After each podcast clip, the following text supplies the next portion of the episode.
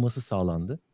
Ve e, bu vesileyle de artık e, bu YouTube fundraising butonu, bağış butonu e, buna destek vermeyen, vermek isteyen e, tüm kanallar diyemiyorum çünkü 10 bin abone ve üstüne imkan verebiliyor YouTube tarafından eklenebilir hale geldi. Bu ne demek?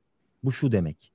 E, bunu e, zaten e, bu yayının da buna destek verenlerin de e, alt tarafında açıklamalar bölümünde göreceksiniz. Ekleyenler ortak bir havuza e, bu bağışların yapılmasını ve destek olunmasını sağlıyor. Şu anda 400 bin dolara doğru gidiyoruz. E, yayınımızın ikinci günündeyiz, üçüncü gününe geçmek üzereyiz. E, bizim beklentilerimizin çok ötesinde e, ne kadar vicdan sahibi olduğunu gösterdi bir kez daha e, insanlar ve e, beklentilerimizin çok ötesinde bir yere doğru gidiyor. O yüzden biz de bunun verdiği motivasyonla enerjimizi koruyarak bu yayınları kesintisiz devam ettirmeye çalışıyoruz. Milli yaz süresince pazar gece yarısına kadar Türkiye saatiyle gece gündüz e, yayın e, yapmaya çalışıyor arkadaşlar. E, bizler de destek olmaya çalışıyoruz. İşte bu YouTube Giving aracılığıyla pazar akşamına kadar toplanacak bağışları e, Türkiye'deki afet platformuna destek veren tüm STK'lara e, aktaracağız. Şu anda ekrana da getirildi zaten. Ve e, bu bağışlar YouTube kanallarını izleyen sizler ve izle, e, izlediğiniz kişiler, bu içeriklerin hazırlanmasını sağlayan kişiler baş başa vererek, kol kola girerek ortak bir şekilde topluyoruz. Bu ne bizim ne sizin hepimizin ortak olarak e, üstlenmeye çalıştığı bir inisiyatif. O yüzden katılan, destek olan, paylaşan herkese tekrar teşekkür edeyim. Herhalde yeterli olmuştur diye düşünüyorum. Fazlasıyla gene çok güzel özetledin Barış abi. Çok teşekkürler. Ee, sen istediğin zaman ayrılabilirsin. Biz başlayalım e, hocalarımla. Şimdi hoş geldiniz hocalarım. Ee, tekrardan. Ben bu yayında çok rahatım aslında bildiğim, tanıdığım, sevdiğim konular. Konu sadece toplanış amacımız e, kötü. Fakat sizin desteklerinizi görüyorum. Kanallarınızda sürekli yayın var. 7-24 açık. Oradan toplanan bağışlar hepimizin şey. Şu an 373 binde oldu. Bugün e, sevgili Cem Hocam e, Legendarium Türkiye'den e, ne yapabiliriz diye düşündüler tabii ki. Çünkü Orta Dünya, Tolkien, fantastik evrenleri konuşan kanallarsınız. Siz kendi yayınınızı da yaptınız bu arada. Orada da bağışlar toplandı süper. E, biz buraya ne konuşabiliriz, nasıl getirebiliriz gibi düşünürken şunu düşündük. Bu içinde bulunduğumuz durumu fantastik edebiyat çerçevesinden nasıl ele alabiliriz? Fantastik edebiyat ne kadar fantastik aslında? Ayakları ne kadar gerçeğe basıyor? Bunu konuşacağız. E, ben bunu sık sık hatırlatacağım çünkü yayını açıp kapatanlar olabilir. Biz burada deprem yayını yapıyoruz. Hani e, kapattı geldi bir anda işte ne bileyim Feanor işte Tolkien falan ne oluyor ya diyebilirler yanlış anlayabilirler. Lütfen onu chat'teki arkadaşlara kültürümüze bırakıyorum. Chat'teki arkadaşlar o yeni gelenleri bizim adımızı bizmiş gibi bilgi versin. Onu söyleyeyim. Ve e, ilk açılış sözünde Legendarium Türkiye'ye bir bırakayım. Hem de kafamızdaki planı da bir e, açıklasınlar. E, Cem Hocam sendeyiz. E, ses gelmiyor hocam. Ses yok. Tamam şimdi düzelttim. Kusura bakmayın. Geldi.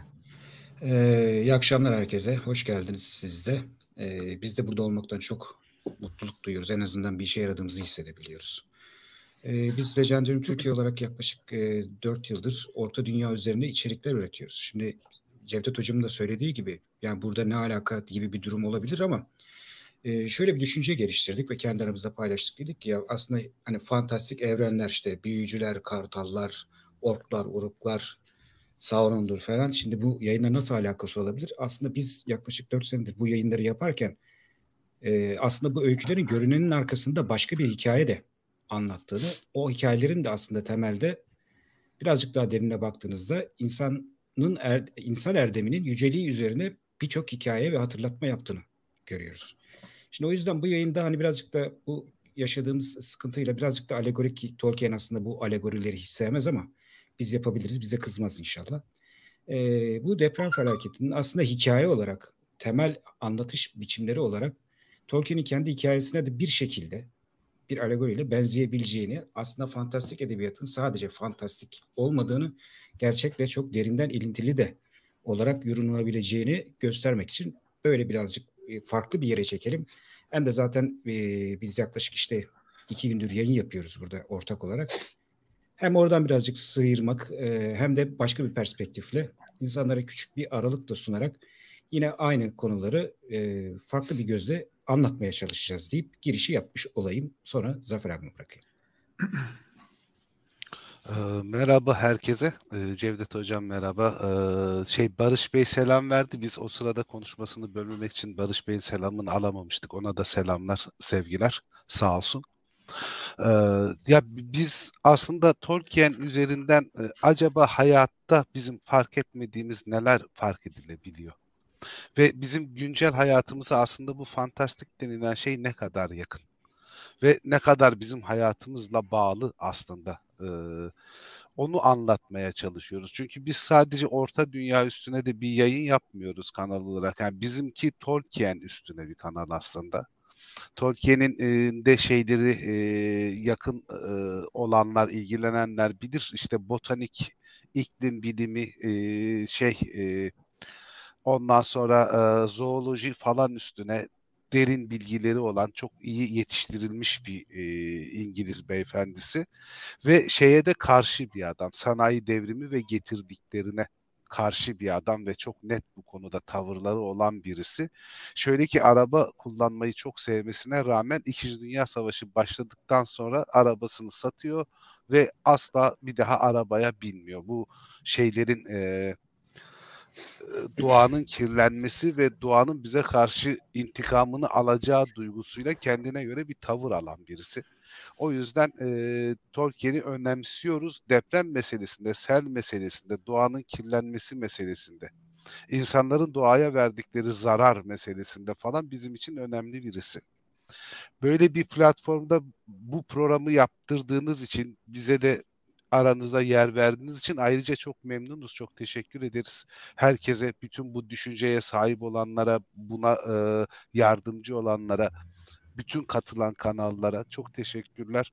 Umarım e, bazı şeyleri gevşekçe, gayri ciddi olarak değil, ama bir nefes alınacak kadar da e, alegorik olarak aktarabiliriz. Hani ufak bir nefes alabilirsek belki çünkü herkes çok üzgün, herkes çok üzgün olduğunun da ilerisinde belki de çok kızgın. Çünkü yani birçok şey kendi hatalarımız sonucunda oluyor. Yani bu hakikaten çok sinir bozucu bir şey. Yani bile bile lades derler ya aslında yani başımıza geleceği bilmemize rağmen hiçbir şey yapmıyor olmamız. Çok sinir bozucu bir şey. Evet. Ve tabii ki oradaki görüntüler her şey yani biz rahat evimizde otururken bile çok rahatsız edici. Çok rahatsız edici bir şey. Zafer Umarım abi, burada şey olur, şey, bir nefes olur. Burada şey tekrarlayalım. E, bu görüntülere kendinizi de maruz bırakmayın efendim. Paylaşmayın. Kendinizi de maruz bırakırken e, bir işe yarayacaksa maruz bırakın. Yani bilgi almak başka bir şey. Orada bir suçluluk duygusu oluyor. Biz bunu terapist arkadaşlarla bir gün şey yaptık, e, konuştuk bir ara. E, dolayısıyla buna dikkat etmemiz gerekiyor diye düşünüyorum e, maruz bırakmamak lazım. Buradaki amaç bütün yayının aslında ben çete gelenlerden de görüyorum. Bir gündem akıyor ki akacak. Biz de onun için yapıyoruz. Aynı gündemdeyiz aslında. Fakat biz işin e, ne yapılmadı, ne oldu gibi bu taraflarına değil ya da yoğun duygularla değil de izleyiciye bir sakin, güvenli liman olma düşüncesindeyiz. Böylece de bir psikolojik destek sağlıyoruz. Benim sabah yaptığım yayında psikolog hocalarım, dan psikolojik danışman hocalarım dedi ki ben bunu fark ettim. Bu bir bağdır dedi. Psikolojik ilk yardım alırken bu da bir yardımdır dedi. Biz evet bir ekranın arkasındayız ama birbirimizle bağ kuruyoruz, anlatıyoruz, izleyiciyle bir bağ kuruyoruz. Bu onlara iyi geliyor. Ben aslında aa ya yapıyormuşuz ya gibi bir şeye getirdi beni. Bu çok önemli. Tam da bu amaçla bilim, teknoloji çerçevesinden, felsefe çerçevesinden, kültür çerçevesinden, edebiyat bu açıdan, sanat çerçevesinden ele, ele alacağız. Düşünce çerçevesinden ele alacağız. Yani bir haber kanalı zaten çok iyi yapanlar var. Haberleri takip edebilirler. Bizim aslında burası o anlamda sığınak noktamız. Kaçış demeyeyim de bir sığınak noktamız. Tam da bunun için yapıyoruz. Şimdi birazdan o yüzden fantastik edebiyatı da konuşacağız. Ee, ben şimdi Murat abiye de söz vereyim. Onlar da düşüncelerini, Murat abi, Umur abi düşüncelerini anlatsın. Sonra devam edeceğiz. Ee, öncelikle e, ben de aynen Legendarium gibi Orta Dünya e, hakkında videolar yapıyorum. E, ondan daha önce de e, oyun sektörüyle, oyunlarla, video oyunlarıyla ilgili de konsol üstünde e, çok uzun zamandır içerik hazırlamaktayım. Ben e, Barış'a buradan bir kez daha teşekkür etmek istiyorum. İlk e, ilk günkü yayında çok kısa tabii herkes kısa kısa konuşuyordu. Ben de çok kısa kestim. Pazartesi günü ilk e, bu iş ortaya çıktığında ben de hemen YouTube'a girdim ve o bağış kısmına geldim. Zaten hani bakıyordum orada öyle bir şey var acaba nedir diye. Fakat bağış kısmına girdiğimde hayal kırıklığına uğradım. Çünkü sadece Amerikan e, işte Amerika'da e, onaylanmış STK'lar vardı orada. İşte öyle mi yapsak böyle mi yapsak deyip e, Twitch'te e, onu bir şekilde e, başka para e, toplama şirketleriyle aşanlar oldu ama sonradan e, işte sizlerin e, o yolu yolu açmasıyla birlikte ben de acayip e, mutlu oldum ve hemen zaten dört elde herkes bu işe e, girişti. Elinden ne gelirse yapmaya başladı. Biz de onlardan biriyiz. Bu imkanı sunduğu için hem sizlere hem de e, Barış Hocama bir kez daha teşekkür ediyorum. Gerçekten e, bizler de bir şeyler yapma şansına eriştik böylelikle.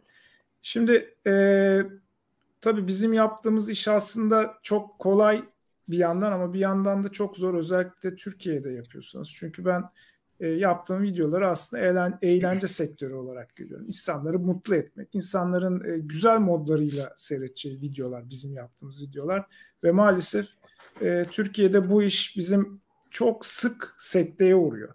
Yani e, devamlı yılda belki 5-6 kez ya şimdi biz video yapmayalım, video koymayalım, şimdi insanlar bunları düşünemez e, demek zorunda kalıyoruz. Bu bizim bunu söyleme sıklığımız muhtemelen dünyanın geri kalanındaki YouTuber'lardan ya da içerik hazırlayıcılarından çok daha fazladır. Devamlı e, üzücü bir takım olaylar oluyor. E, ve işte şimdi bir haftadır buradaki kimse video koymuyor. Ve bir, bir müddette koymayacağız muhtemelen. Çünkü gerçekten sırası değil.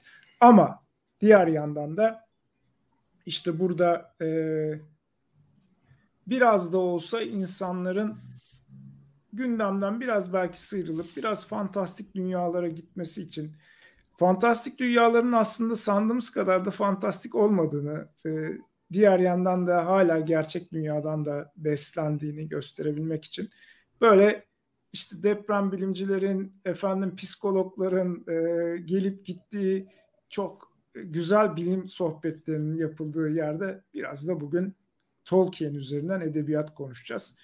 E, Sonra tabii sizleri yine e, arkadaşların eline teslim edeceğiz. Ee, yine bilim konuşulmaya devam edecek. Ama iki saatlik arada gelin eğer de bilmiyorsanız da çünkü çok geniş bir kitle seyrediyor bu yayınları. Tolkien bilmeyenler de bir kulak versinler. Belki onlar da e, ilgilenecekleri bir şey bulurlar evet. konuşacaklarımız içinde. Tam da bu sebepten hem Umur Hoca'ya geçeyim. Teşekkürler Murat Hocam. E, tam da bu sebepten sizden ricam dozajı yani genel Tolkien severler seviyesinde tutalım ki evet, kaçırmayalım. Tabii. Şimdi bizim kanallarda ben severim de hani e, şey dediğiniz zaman e, detaya girince ikinci çağ, birinci çağ dediğimizde kaçırırız Yok. yani. Sen yine o iyi biliyorsun. Feanor dedin demin. Oraya bile girmeyiz. tabii ben be- belli ediyorum bildiğimi Murat Hocam. Oraya yani. bile girmeyiz. Merak etme. Geçen biz e, Hamdi Kellecioğlu'yla... Ya bu arada bir şey soracağım sana ya. Buyurun hocam. Cevdet. Böyle arada sırada biz gülüyoruz ya. Boş bulunup. Ben çok Hı-hı. kötü hissediyorum kendimi. Ha çok güzel soru hocam. Evet. Ya ee, bu çok şey geldi şey bu. Ha, an, doğru mu an, doğru anladım değil mi sorunuzu? Doğru. Çok gelen bir soru. Evet, Hemen söyleyeyim. Evet. Sık sık da tekrarlıyorum. Özellikle videolarda. Evet. Gülebiliriz. Gülmemiz bu olaydan hiç etkilenmediğimiz anlamına gelmiyor. E, üzülmediğimiz anlamına gelmiyor. Bunun sebebi tamamen aslında bizim sinir sistemimiz. Çünkü istemli olarak gülmüyoruz. Keyfimizden gülmüyoruz bir şey oluyor ve istemsiz olarak gülüyoruz veya gülmeye ihtiyacımız olduğu için gülüyoruz. Buradaki lütfen arkadaşlar bu öfkeyi yaş bu öfkeyi yaşayabilirsiniz. Biz orada neler çekiyoruz bunlar burada gülüyor. Geliyor ya akla. Ya bu öfke çok gerçek doğru bir öfke. Yani geçerli bir öfke. Ama bu öfkenizi lütfen davranışa çevirmeyin. Yani bu öfkeden siz niye gülüyorsunuz? Bu demin dediğim lafı bize başkalarına demeyin. Böyle hissedebilirsiniz. Bakmayın o zaman. Çünkü anlıyorum böyle hissetmekte haklısınız ama herkes yasını veya üzüntüsünü çok başka yaşıyor. Belki gülmeye ihtiyacımız olduğu için olabilir. Belki hmm. o gülmek de ağlamak gibi bir işleve sahip olduğu için olabilir veya çok basitçe hani bu kadar şey yapmaya gerek yok. Çok basitçe sinir sistemimiz o anda güldürüyor bizi. Ya bunu tutmak mümkün değil. Bir de bu var. Ee, bir de bunun aslında gülmenin içinde bir sürü gülme var. Yani bu bir dalga geçme değil. Hiçbir şey olmamış demek değil. Öyle olsa biz niye buradayız? Biz niye bu yayını yapıyoruz olur. Ee, siz de fark edeceksiniz ki o gülme anlarında ufak ufak size iyi geldiğini, tam da bu zor zamanlarda size o küçük pencereleri açtığını fark edeceksiniz. Lütfen ne kendinizi ne başkalarını bundan mahrum bırakın. Çünkü bunlar iyileştirici gülmelerdir diye özet geçeyim. Teşekkürler. Peki. Umur hocama geçelim. Ee, buyurun hocam. Öncelikle başta Barış Özcan olmak üzere bütün bu organizasyona emek veren, uğraşan kanallara çok teşekkür ediyorum. Ben ilk günden beri gerçekten deminki gülme mevzusundan açıldı. E, ve işte kendimi e, ne yapabilirim, bir şey yapamıyorum, işte yemek yerken utanıyorum, uyurken utanıyorum e, durumuna getirdiydim. E, ve başım çok ağrıdığı için de yani şapka takıyorum, çok özür dilerim bütün izleyen e, kanalların hepsinde. Kusura bakmayın yani başım ağrıdığı için. Kendimi tanıtayım bilmeyenlere. Ben 2016 yılından beri içerik üretiyorum. E, filmler, diziler ve e, fantastik evrenler üzerine. Başta Tolkien e, olmak üzere. Ve bugün anlatacağımız konu e, gerçekten fantastik edebiyat ne kadar fantastik? Bence çok güzel bir konu. Ben yaklaşık 10 yıldır fantastik edebiyat okuyorum. Murat abi benden daha önce okuyordur, daha e, eski okuyordur. O da e, gayet biliyor. Ben 10 yıldır okuyorum ve artık fantastik edebiyat başta Tolkien olmak üzere o kadar da fantastik olmadığını, ne kadar etkileyici olduğunu, eğer hiç Yüzüklerin Efendisi okumayan varsa kesinlikle okumasını ve gerçekle aslında ne kadar da yüzü olduğunu e, görmesini çok isterim. E, bugün böyle bir şeye de vesile olmak ve bütün kanallarda izleyen herkese, destek olan herkese de çok teşekkür ediyorum. Bizler de çok teşekkür ederiz. Şimdi buradan artık konumuza dalalım. Zamanımızı da iyi kullanmak adına. Ben şöyle başlamak istiyorum. Şimdi fantastik edebiyat, kaçış edebiyatı söylüyoruz ya. Nedir bunlar? Bunu bir tanımlayalım mı? Burada şöyle yapalım. İmece usulü birisi alsın, tanımlasın. Ee, siz ama çok yayın tecrübesi olan insanlarsınız. Ben yani durmasam bile problem yok zaten. Size bırakıyorum ama soru şu. Fantastik edebiyat ya da kaçış edebiyatı nedir?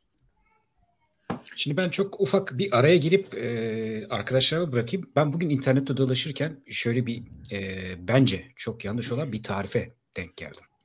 Diyor ki okuyucuyu düşündürme kaygısı taşımayan, gerçek hayattan uzaklaştırma amacıyla yazılmış eserlerdir. Şimdi e, bunu tek bir yerden değil birkaç farklı kaynaktan herhalde bir tanesi böyle bir şey yazmış. E, fazlaca da yayılmış birçok yerde bence çok yanlış olan bir tanım gördüm. Yani okuyucuyu düşündürme kaygısı olmayan diyerek. Büyük ihtimalle fairy ile yani masallarla karıştırarak herhalde bu kaçış edebiyatını e, tarif etmeye ya da tanımlamaya e, şey yapmışlar, çalışmışlar. E, bence bu yanlış çünkü çok ilk yaptığı şeylerden bir tanesi bilhassa çok daha farklı yerlerden insanlara bakış açısı sağlayıp düşündürme kaygısıdır diye düşünüyorum. Şimdi e, abilerime bırakayım sözü. E, ne diyorsunuz abi? Kaçış edebiyatı sizin için nedir? Ne ifade ediyordur? Ya da Tolkien için nedir? diye sorabiliriz. Ya şöyle diyeyim ben yani çok kısaca mesela Tolkien'e de bu konuda şeyler olur. Oxford'daki arkadaşlarından e, tepkiler falan gelir. Yani sen nelerle uğraşıyorsun? Bir filologsun, bilim insanısın falan filan diye. O da şey der yani birisinin bir yerden kaçmasından kim rahatsız olur? Cevap olarak da gardiyanlar der. Şimdi gardiyanları rahatsız ediyorsa kaçmanın bir sakıncası yok zaten. Buna kaçış edebiyatı demenin bir sakıncası yok o zaman. Yani bir tutsaklıktan kurtuluş, bir özgürlüğe gidiş meselesiyse bu. o zaman zaten kötü bir şey olamaz.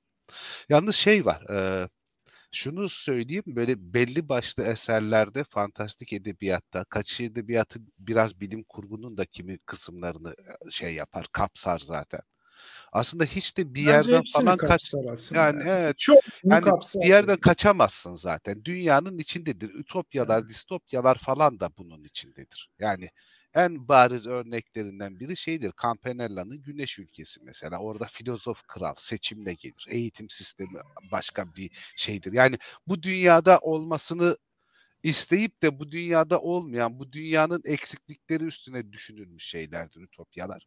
Bir de tam tersi distopyalar. Bu dünyadan daha beter bir dünya nasıl olur hikayesi. Tolkien'in dünyası, Tolkien'in kendi tabiriyle zaten bu dünyanın çok eski çağlarıdır. Hikaye aslında günümüz yani bu coğrafyada, bu dünyada geçmektedir. O bakımdan aslında kimsenin bir yere kaçtığı falan yoktur. Ama kimi kavramları, kimi değerleri daha da öte, kavramdan öte kimi değerleri hatırlatır insana. Onun üstünde durur. Yani iyi ve kötü diye çok basit bir şekilde ayrılmaz. Onun ötesinde değerli, değersiz diye ayrılır. İyilik ve kötülük yapanların hepsi. O bakımdan kaçış edebiyatı biraz pejoratif bir şey hissettirse de insana aslında hiç de öyle değildir ve e, meraklısı için de gayet zihin açıcı ve buradan çok daha ciddi işlere yönel, yöneltebilen bir edebiyattır iyi yapıldığı takdirde.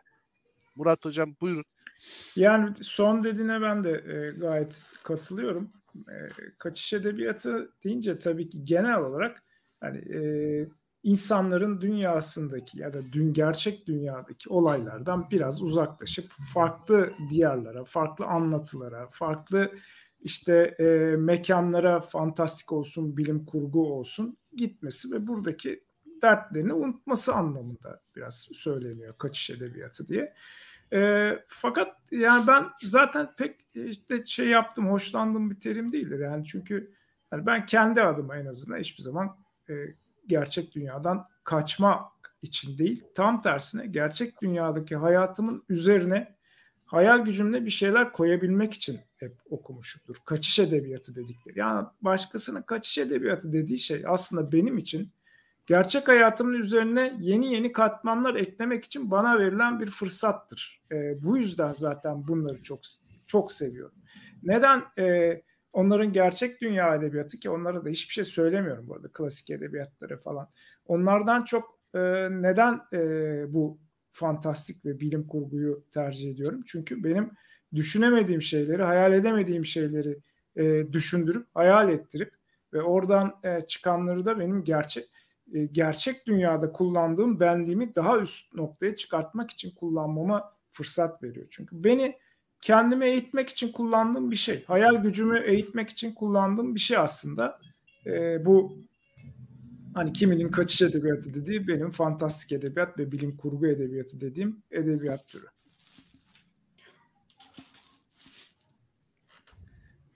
Cevdet Hocam söz kestim. Evet. Pardon. Biri bir şey diyor muydu? Söz mü kestim demin? Yok yok yok, yok hocam. Yok, yok değil mi? Tamam. Ben, şey ben burada şunu düşündüm hocalarım. Kaçışın nesi yanlış? Yani aslında bir de öyle bakmak lazım. Hani biraz da şuradan bakmak lazım. Zafer abinin verdiği Tolkien örneği gibi gardiyanı kızdırıyor bu. Şimdi şöyle bir şey var. Buradaki kaçışı psikolojik olarak da yani aslında şöyle değil mi biraz anlaşılacak arkadaki kız yani neden pejoratif olduğunu şöyle diyeyim mi? Yani gerçeklik oluyor. Siz bununla deal edeceğinizi, çözüm üreteceğinizi, yaşayacağınıza kaçmayı tercih ediyorsunuz. Bir bu. Yani korkaklık gibi bir yerden. Bir de sağlıksızlığı da yani onu çözmezsen bastırırsın, koparsın. Tamam bunları anlıyorum. Şimdi ikisinin de şöyle bir durumu var. Bir kişiyi şöyle bir örnek verin biraz abartı ama bir kişiyi Nazi kampından kaçtığı için suçlayabilir miyiz? Yani kaçışın kaç yani kaçış var kaçış var oraya getiriyorum olayı. Yani kaçışçılık ya da escapism, firarizm demeyi çok seviyorum ben ona. Escapism bir akım zaten. Sadece edebiyatta olan bir şey değil. Yani koskoca bir akım. Fantastik edebiyat bunun altına giriyor desek kaçışın aslında bir zararı yok. Bu kelimeyi aslında biz hepimizde örnek vereceğim. Ben diyorum ki şu anda bizim bu görüntülere bakmamız bizi travmatize eder bütün insanları. Burada şu çok saçma ve gereksiz bir şey. Ya ben bakarım olmam. Hadi bakalım o kadar kuvvetliyim ki olmayacağım. Neden? Bundan kaçmak eğer bu bir kaçışsa e, kaçınmak diyelim daha doğrusu daha bilinçli bir tercih. Bundan kaçınmak da hiçbir yanlış bir şey yok. Kendini korumak var. Ama ortada bir sorun var. Benim ona bir şey yapmamı gerektiriyor. Bir ihtiyaç var, bir problem var. Ben buna bir şey yapacağım. Bir eylem gerektiriyor. Ben bunu yapmıyorum. O başka bir kaçış. Zaten böyle baktığımızda kaçış edebiyatı ya da kaçış, escapizm, firarizm neyse e, öyle bir şeyse bunu her şeyle yapabilirsiniz arkadaşlar. Çete de söyleyeyim. Bunu alkolle de yaparsınız, uyuşturucuyla Tabii da yaparsınız, ki. videolarla yap, her şeyle yapabilirsiniz. Derdiniz kaçmak olsun. E, o açıdan belki de fantastik edebiyat diye kullanalım isterseniz bundan sonra. Bu açıdan Tabii, evet. bizim kastettiğimiz. E, bunu bir eklemek istedim araya. Yine söz sizde.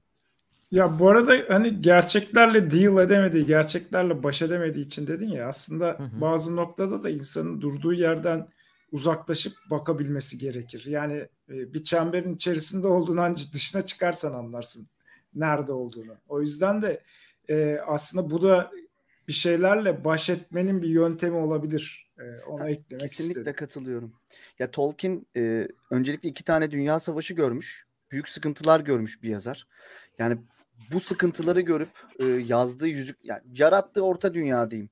Yarattığı orta dünyada her ne kadar kendisi alegoriyi sevmese de, alegoriden memnun olmasa da o dünyada e, kendinden bir şeyler koyduğunu e, düşünüyoruz. Yani hepimiz düşünüyoruz yani ve var da aslında.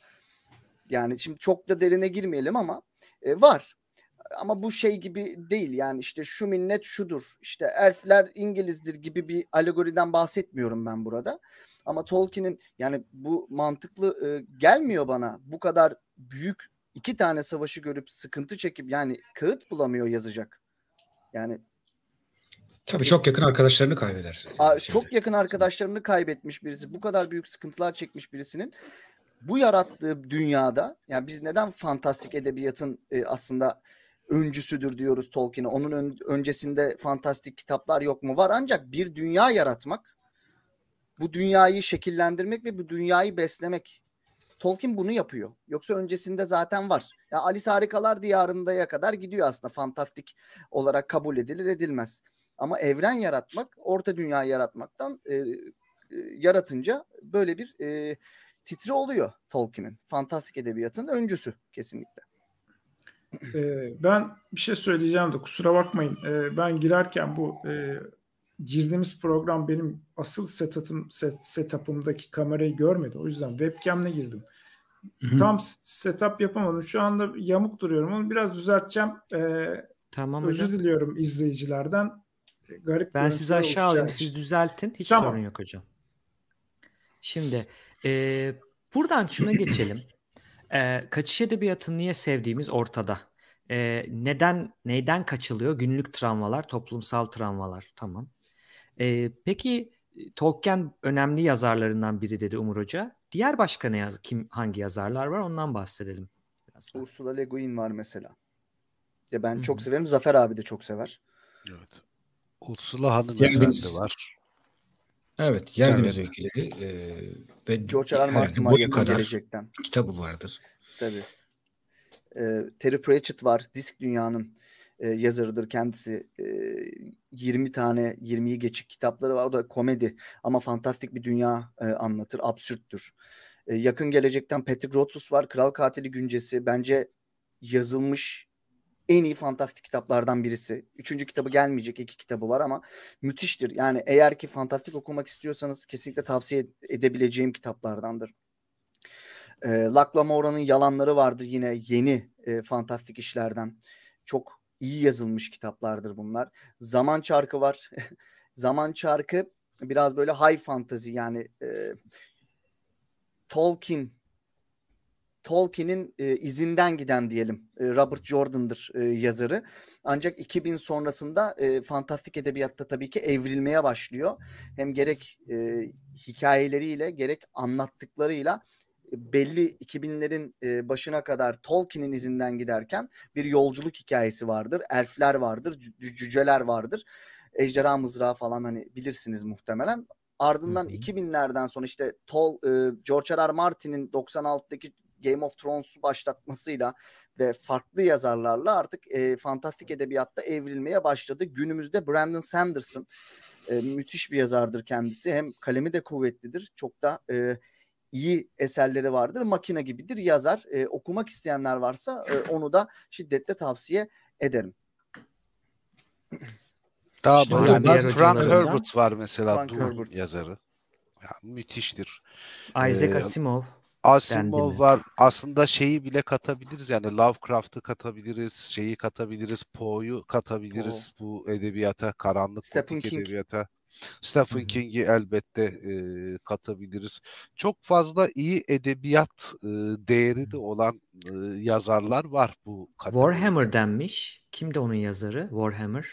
Oyun serisi Warhammer- diye biliyorum ben Warhammer'ı ya. Onun bir hikaye kısmı var mı acaba? Ben oyun serisi diye vardır biliyorum. mutlaka. Bir Tamam, ben o- vardır Warhammer'ın. Levent abi onu bir diyordu. Ben Levent Pekcan'la bir daha yayın olursa Aha. sorayım ona ama chatte gelmiş diye dedim. Tamam. Ya temel anlamda burada işte e, yapılan şey aslında bir e, evriltme meselesi. Yani e, Hmm.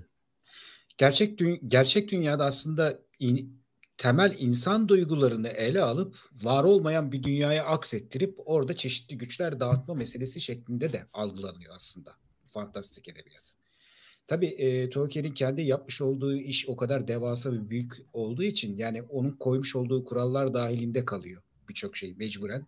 Onun dışına çıkabilen ve kendi özgür e, içeriklerini oluşturabilenler tabii ki kısa sürede e, parlıyor. Ama ne yaparsanız yapın, Zafer abi bunu sıklıkla söyler, bir yerden Tolkien'e mecbur kalıyorsunuz evren kurma meselesinde. O yüzden çok büyük yazarlar, çok e, popüler işler yapılmış olmasına rağmen e, bugünkü konuşacağımız konu da üzeri, e, üzerine Tolkien birazcık şey temel mesele oluyor. O yüzden e, söyledik zaten diğer evrenlerde kimler olup olmadığını. Çok e, geniş bir perspektifte şimdi yavaş yavaş şeye geçebiliriz diye düşünüyorum. Yani Şimdi biz bugün e, hocam şöyle bir şey düşündük değil mi? Yani hazırlığınıza da göre yanlış anlıyorsam lütfen düzeltin hassas bir mesele. Tolkien'in edebiyatında bugünkü toplumsal travmamız nasıl ortaklıklar, neler anlayabiliriz, oradan nasıl okuyabiliriz aslında. En önemlisi de bu böyle bir edebi, akademik bir inceleme değil. Amaç şu, oradaki bağlamlar e, bizim buradaki gerçek hayattaki travmalarımıza, zorlanmalarımıza nasıl su serpebilir, nasıl şifa olabilir, iyi gelebilir gibi bir minvalde bir bakalım aslında dedik. Çünkü sizin söylediklerinizi ben bir hazırlıkta gördüm. Evet, evet, evet, aa öyle falan dedim. Ve şey çok kendi kendine kanıtlanıyor. Aslında bir kaçış edebiyatının gerçeklikten ne kadar da yakın olduğunu, hiç kaçış olmadığını, tam olarak da gerçekliği anlattığını, e, sadece evrilterek Cem hocamın dediği gibi evrilterek anlattığını o kadar güzel bir şekilde anlatıyor ki e, burada amaç zaten ders çıkarma tarafını ben e, severim ale- alegorinin. Yani şey Evet. kısmı değil. Burada bunu böyle yapalım, işte burada şunu şöyle yapalım e, gibi değil ama pardon benim Siri kendi kendine bir alevlendi. Bana cevaplar veriyor. Pardon. Burada amacımız şey değil. Bu millet şudur, şu millet şudur. Gerçekteki bir şey diyemiyor da diyemeyip işte bu da olabilir bu arada da hani buradan bir mesajlar veriliyor değil de aynı ne, somutlaştırayım. Aynı yüzük kardeşliğinin yılmadığı gibi dağılsalar da bir amaç için bir oldukları gibi kötülüğü yok etmek adına o dünyada bizim de onları örnek alarak güç almak. Ben bazı zamanlarımda yalan söylemeyeceğim. Bazı zamanlarımda Sam olsa ne yapardı diyorum mesela. Bana iyi geliyor. Yani Samwise Gamgee olsa burada ne yapardı diyorum ve bana iyi geliyor bir örnek oluşturuyor. Tam da bunun için aslında e, diyeceğiz. Bu arada 380 bin e, dolara ulaşmışız süper. Bizim kanaldan da Mürşide Zeynep Aşar 200 lira yollamış. Diğer anonim destekçiler de var. Şimdi böyle bakarsak çok teşekkür ederiz hepsine. Böyle bakarsak başlayalım hocalarım. Nasıl okuyabiliriz? Nasıl bakabiliriz ikisine? Yani kavramsal olarak aslında gidebiliriz. İlk baştan mesela şeyden hani bir çok geniş bir kitleye yayın yaptığımız için şey yani Hı hı. direkt kitapla değil hani en azından görselleri kullanarak yani bir mantık kullanarak filmin temel mantığıyla eee, en azından kitapta da olup filmde de olan yerlerden mantıkla mesela şey Yüzüklerin Efendisi'nin çok o meşhur bir e, pro şeyi vardır, proloğu vardır. Açılışı, Açılışı değil mi? E, müthiş bir 5-6 dakikalık bir e, sekanstır. Orada mesela ilk aç, açıldığı bölümde birlikte e, ilk yıkımı gösterir. Der ki işte e, insanlar yine güce tamah etti, gücün yüzüğün e, etkisine girdi e, ve atması gereken yüzüğü aslında atamadı ve kendine sakladı deyip onun da ölümüne sebep oldu der ve bu Isildur karakteri zaten film izleyenler bilir. e, bu e, tamah etme, insandaki o tamah etme, güce tamah etme, gücü elinde tutma meselesinde aslında bir taraftan e, burada dediğim gibi kötü bir alegoriyle birlikte aslında e, olacağını ya o kötülüğün olacağını bile bile o yüzüğü oradan atamayışı, tamah etmesi yüzüğe aslında e, bir yerden baktığınız zaman bu depremin olacağını bile bile insanın birazcık kar güç, kar düşüncesiyle, gücü elinde tutma gücü, gücüyle, gücü istenciyle bile bile aslında kötülüğün geleceğini biliyor olmasına rağmen vazgeçemeyişi gibi bir hikayeyle başlıyormuş gibi. Yani burada yapmaya çalıştığımız şey ya benim temeldeki düşüncem şuydu. Aslında hikaye çok fantastik gibi gözükse de insanla alakalı olan çok güzel detaylar var. İnsanın güce tamah etmesi birçok soruna yol açıyor. Yani bugün bizim yaşadığımız deprem sıkıntısında da insanın güce tamah etmesi, paraya tamah etmesi, gücü elde ettiğinde, e, ettiğinde hızlı bir şekilde bozulması gibi çok temel öğeler Yüzüklerin Efendisi filminin kitabın ve filmin hemen başında yer alıyor. Ve bunu aslında silsileyle devam ettirdiğimizde gerçekten üst üste ne kadar çok bindiğini görünce ben de fikir aklıma geldiğinde üst üste ne kadar çok bindiğini görünce dedim ki gerçekten yani bir hayatın akışını aslında nereye çevirirsen çevir, evrilirsen evrit bir şekilde e, insanın olduğu yerde bunlar oluyor. O yüzden herhalde Tolkien'in eserleri bu kadar büyük ve hala yani e, dünyanın en çok satan eserleri arasında ilk onda bulunuyor diye düşünüyorum. Yani hikaye bu şekilde ilerletebilirsek aslında hepimizin Aa, evet evet böyle diyebileceğimiz bir sürü şey Benim göreceğiz. böyle kafamda şimşek çaktı hocam. Yani sözünüzü kestim özür dilerim ama şimşek çaktı. Çete de çok heyecanlandım Çetin söylediklerine. Diyorlar ki e, bu benzetme çok, ve bağlama çok güzel oldu diyorlar. Bir tanesi demiş ki biz e, cüce olsaydık Toroslarda, Erciyes'te, Ağrı'da, Ilgaz'da yaşardık diyorlar. Bu tarz şeyler var. Şimdi helal olsun diyenler var. Ben de aynı hisse kapıldım hazırlık yaparken. O zaman hocam şöyle ben hepimiz bir yerlerden alalım götürelim. Aklımıza geldikçe ilerletelim diye diyeyim. Tamam mı? Hepim, birimiz fazla olmasın. Şunu düşündüm. Aynı filmde Isildur'un işte yüzüğü atmayıp yüzüğün e, yaşamasına izin verildi. İnsanlığın tamahkarlığı yüzünden o gün yok edilebilirdi diyor Galadriel ya.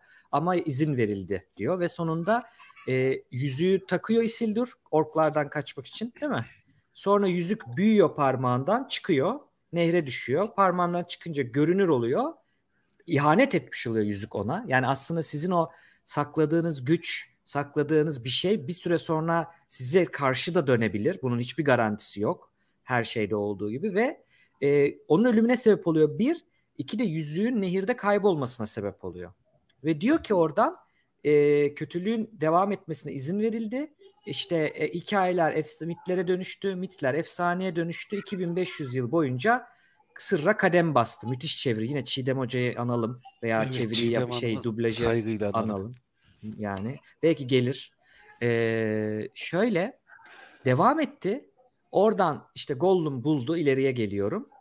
Aynı Gollum'un yani nehirlerin altında yüzüğün beklemesi gibi 2500 yıl çok sabırlı ve Gollum'un dağın içinde 500 yıl beklemesi gibi puslu dağlarda depremin olacağı da yine dağların içinde nehirlerin açıldığı o ovaların, nehir, vadilerin içinde bekledi aslında. Ama dünyada jeoloji de ya da mağmada eğer burada tabii bir animizm yapıyoruz. Doğayı sanki bize karşı bir şeyi varmış gibi onu söyleyeyim ama hani hani bear with us bizle devam edin. Sanki doğada o kadar sabırlı ki 3000 yıl hiç çıt çıkarmadan bekliyor ama 3000 yıl sonra da Bilbo'nun bulmasıyla da harekete de geçebiliyor. Ben buradan onu anladım ve çok çok e, hoşuma gitti. Buraya kadar hocam benim aklıma gelen Tabii, siz alın siz devam bur- ettirin hikayeyi. Yani burada yüzüğün hikayesinde e, Sauron e, yani yüzüğün e, iradesini yüzüğe geçirmiş ve yüzüğün de o yüzden Sauron nedeniyle kötü ol, ol Sauron e, yüzün kötü olması nedeni aslında Sauron. Yani burada e, bu kötülük aslında bilinçli bir kötülük. E, sen de demin söylediğin gibi yani bunu da aslında e, söylemek lazım. Burada e, bizim başımıza gelen e, bu deprem felaketi e, aslında bilinçli bir şey değil, felaket değil. İnsanları şurada bir sallayayım da yıkayım, öldüreyim e, diye bir şey yok ortada. Tabi burada çok örtüşmüyor. Orada gerçekten bilinçli bir kötülük varken burada aslında e, insanların umurunda olmadığı bir şey var. Doğal bir olay var. Üzerinde kimin yaşadığı umursamıyor. Zaten umursamak diye bir şey de yok. E, doğa ana dediğimiz hani o kişiselleştirdiğimiz e, kavram içerisinde. E, onu bir araya bir şey yapmak istedim. Söylemek söylemek istedim. Çok Buyur güzel söylediniz hocam. Evet abi haklısın. Yani burada dediğim gibi yani biz bir alegoriyle aslında bir benzetmeye çalışıyorum. Hı hı. Ya çalışıyoruz burada. Hani temelde şöyle düşünmek lazım. Yani deprem evet bilinçli bir kötülük değildir. Sen aslında ona engel olabilirsin. Ya yapılarını ona göre yapıp e, etütlerini ona göre yani etüt zemin etütlerini düzgün bir şekilde elinde tutarak inşaatları yaparsan bu olmaz. Bu kötülüğü zaten yapan o e, senin kendi kendine ettiğin bir şey aslında burada. Burada birazcık ayrılıyor olmasına rağmen şey diye düşünürsek yani bu kötü olay bizim başımıza geliyorsa işte aynı yüzüğün hikayesindeki gibi yüzlerce sene yerin altında bekliyor arkadaş ve bir gün ortaya çıktığında aslında herkesin o sorunla baş başa kalıyor olması durumu. Şimdi o e, buradan devam edebiliriz Zafer abi. Ya şöyle e, çok temel bir durum var Tolkien'de. Mesela Tolkien'in dünyası aslında insanlara kalan, insanlarla devam eden. Yani en fazla e, hayatta kalacak olan insanlar. Oysa yaratılış olarak baktığında yani Valarlar, Mayalar, Elfler zaten sonsuz bir yaşama sahipler. Orta dünya olduğu sürece var olacaklar. E ondan sonra cüceleri düşün. Cücelerin de 250 yıl ömrü var ortalama. Oysa insanların ömrü işte 60-70 yıl. Yani insanlar zaten ölümlüler. En zayıf gibi görünen tür Tolkien ırkları arasında insanlar çok zayıflar aslında. Yani bir şeyi çok alıp da sürekliliğini sağlayabilecek elfler gibi uzun zamanları falan yok. Ve gitgide daha da zayıflıyorlar. Yani çağlar geçtikçe bütün ırklar gibi insanlar da daha zayıf hale geliyor. Ama burada insan hikayesindeki pro, yani problem ve aslında çözüm şu. İnsanlar kendilerine ait tercihlere sahipler. Bu dünyayı mahvetmek ya da bu dünyayı güzel etmek konusunda kendi kararları var. Ve nesilden nesile aktarılan kararları var. Yani insan Tolkien dünyasında aslında belirleyici olan şey, e, ırk. Çünkü artık üçüncü çağa geldiğinde ne diyorlar? İlk çağ, yani ilk doğanlar yaşlandı, ikinci doğanların devri başlıyor. İkinci doğanların devri de işte devam eden devir. Bundan sonra hep olacak devir. İnsanların bir bir kısmı çok rahat kötülüğe evrilebiliyor. Çünkü insanlar tamahkardır. Kısa bir ömürleri vardır. Kısa ömürlerini rahat geçirmek isterler. Ve bunun içinde başkalarına doğa ya da diğer ırklar o kadar saygılı davranmazlar. Çünkü yaşayabilecekleri ömürde e, belli bir süre olduğu için, ölüp gidecekleri için o sırada olabildiğince rahat bir hayat yaşamak isterler. Bu da aslında hani bundan 500 yıl önceki insanlar ya da günümüzdeki insanla farklı bir hikaye değil Tolkien'deki insanlarda. Yani insanlar neden Sauron'un tarafına geçiyorlar? Hayatta kalabilmek için. Çünkü Sauron kendi bölgesinde çok güçlü. Ya uyarsın ya ölürsün. Ya da insanlar ya da neden Sauron olmak için. Evet, güç sahibi olmak için. Güç istenci hikayesi bunun içindeki will power ya da şey e, yaşama istence hikayesi falan. Tolkien bunu çok net ortaya koymuş birisi ve hikaye hep dönüyor, dolaşıyor. Günümüzde olduğu gibi aslında Tolkien'in hikayesinde de başat durum belirleyici insan oluyor. Ve insanların bir kısmı hakikaten çok kolay yozlaşıyor. Çok kolay bozuluyorlar. Çünkü sınırlı bir hayata sahipler. Ama kimileri de insanların öyle bir özelliği var. Kimi insanlar da bu sınırlı hayatlarına rağmen falan dimdik ayakta erdemli bir şekilde kalabiliyorlar. Hem iyileri var hem dirençlileri var. Bu hikaye hiçbir zaman insanlık tarihinde farklı değil. Ve sonuçta dünya insanlara ait olarak kalıyor. Tolkien hikayesinde de. Şu anda da hani e, birçok konuda dünya insanlara kalmış durumda. Depremdi, seldi, bu tür felaketlerde savaşları biz çıkartıyoruz ama depremi biz yapmıyoruz işte ya da seli biz yapmıyoruz. Gerçi iklim değişikliğinin nedeni insan ama e, depremlerin iklim değişikliğiyle bir alakası yok. O başka bir olay. Ve buna karşı kendimizi koruyabilme ihtimalimiz olmasına rağmen, birileri bu konuda ısrarcı olmasına rağmen, birileri kısa hayatlarında daha rahat bir hayat geçirebilmek adına bunu umursamayıp başkalarının da hayatını mahvediyorlar. Aslında bir Tolkien hikayesi gibi durum. Bir şey var evet. yani bu tamahkarlık meselesi zaten günümüzün de meselesi. Ve iyi Biraz... insanlar da günümüzün meselesi. Nasıl hemen aynı gün organize olmaya çalıştı insanlar. Hemen yardım etmeye çalıştı. Hemen nasıl ulaşırma düştü. Hemen nasıl mahcup oldular oradaki soğukta kalan insanlara. Orada yardıma hemen ulaşamayan insanlara. Yani insan tek taraflı bir canlı değil. İnsan bazı çok büyük kötülüklere neden olan ama kimileri de o büyük kötülükleri düzeltmek için cidden fedakarca çabalayan bir canlıdır. Hikaye aslında insan hikayesi ve belki de çok insan hikayesi olduğu için yan katmanlarıyla beraber yani yayınlandığı günden beri sürekli gündemde olan, sürekli çok satan, sürekli ilgi gören bir şey, e, edebi eser. Ya temelinde aslında çünkü çok insani bir e, his var. O da iyi ile kötünün mücadelesi. Yani bu e, Tolkien hatta bazen yazdıkları çok fazla siyah ve beyaz olması dolayısıyla da eleştirilir. Yani gri e, çok fazla gri alan yok. İyiler iyi, kötüler kötü. Ya da e, kötü olmadığını bilen e, karakterler de hikayenin devamında kötülüğe doğru giderler. Yani çok temel bir hikaye üzerine, çok temel bir hissiyat, iyi ve kötü üzerine olduğu için de bu kadar aslında bütün her şeyle örtüştürebiliyoruz rahatlıkla ve e, diğer yandan bir başka bence en büyük teması da bütün Orta Dünya tarihi için e, konuşuyorum. İster insanlar ister elfler olsun. Bütün ırkları ve kişileri e, güce karşı aldıkları tavır e, belirliyor. iyi ve kötü olduklarını. Bu e, işte elflere yardım edip e, orada e, dünyayı bozmaya çalışan işte Melkor'a karşı savaşan e, insanlar orada aslında bir güç peşinde değiller. Sadece olanı muhafaza etmek için yapıyorlar. Için. Diğer yandan e, Melkor tarafına geçen insanlar da e, işte güç elde edebilmek için yapıyorlar ve kötü taraftalar. Hep bu şeyi de görüyoruz. Yüzükten Efendisi'nde bu çok vardır mesela.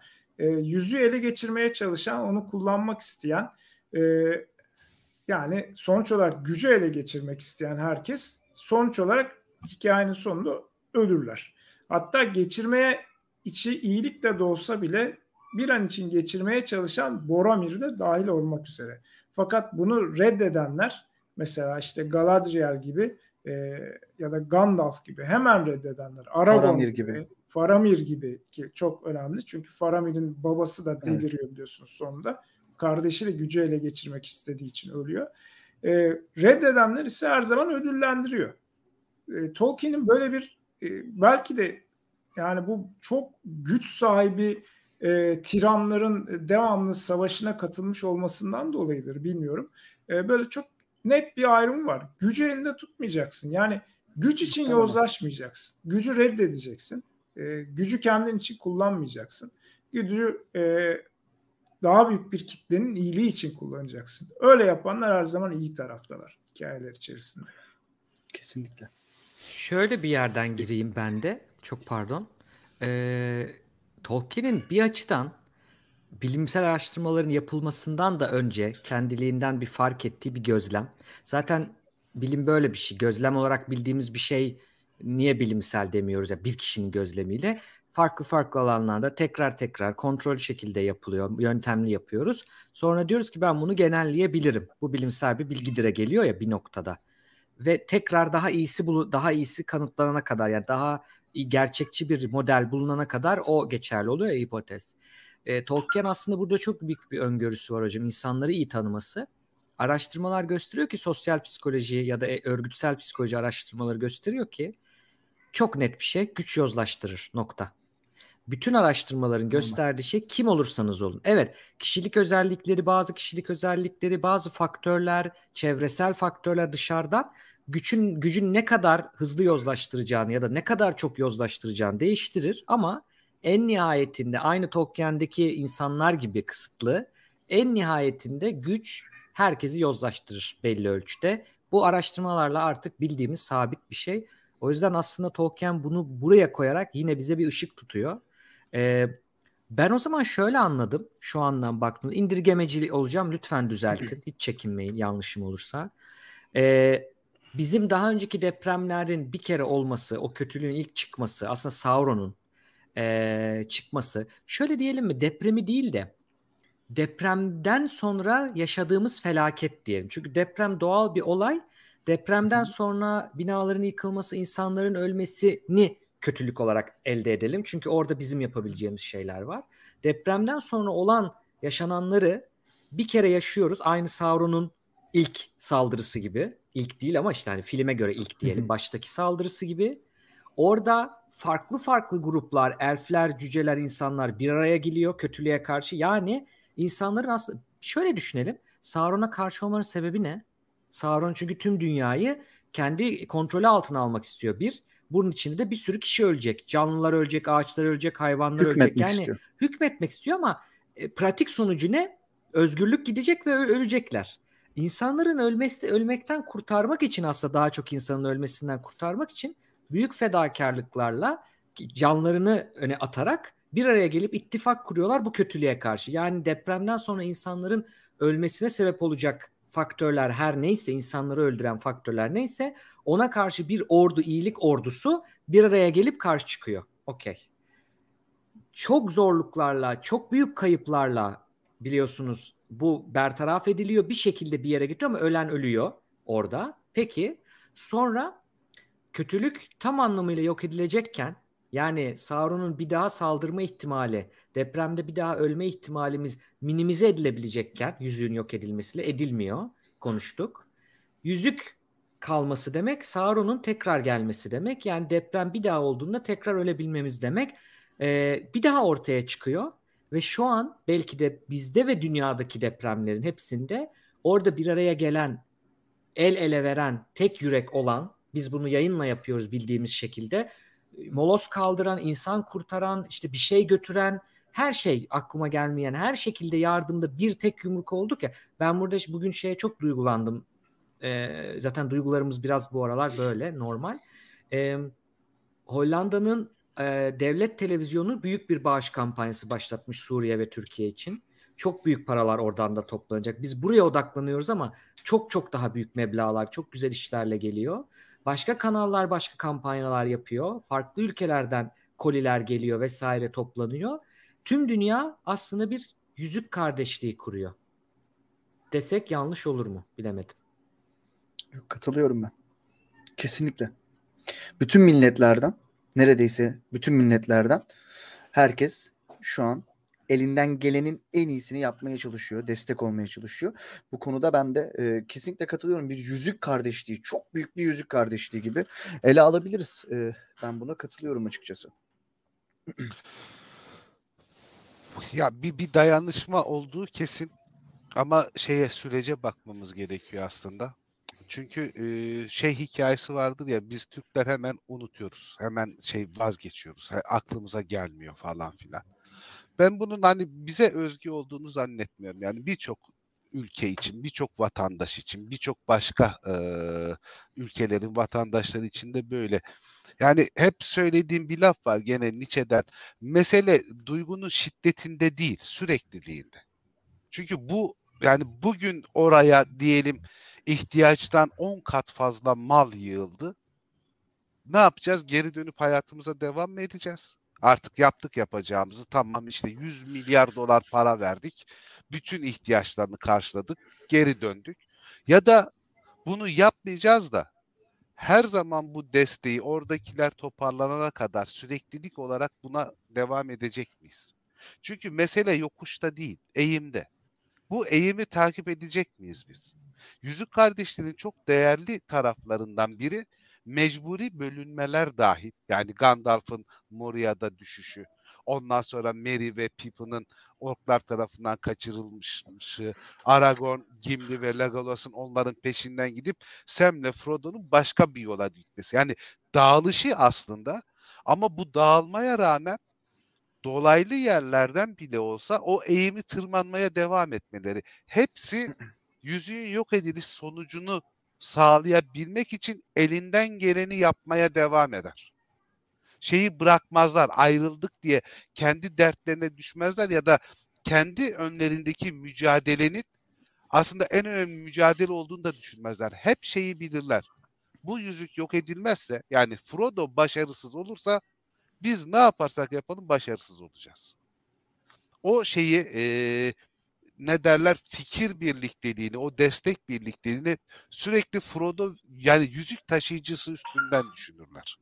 Bizim de aslında buradaki meselemiz bir hafta sonra, beş gün sonra, on gün sonra, belki bir ay sonra basit haberlerde gördüğümüz bir şeye mi dönüşecek bu korkunç deprem? Yoksa biz orada zor şartların devam ettiğini bilip desteğimizi, ilgimizi çekmeden devam edebilecek miyiz? O yüzden yani yüzük kardeşliğiyle Cevdet Hoca'nın benzetimi çok güzel oldu. Bir destek geliyor, çok şiddetli bir destek geliyor, çok büyük bir şeyle e, gazla davranıyoruz.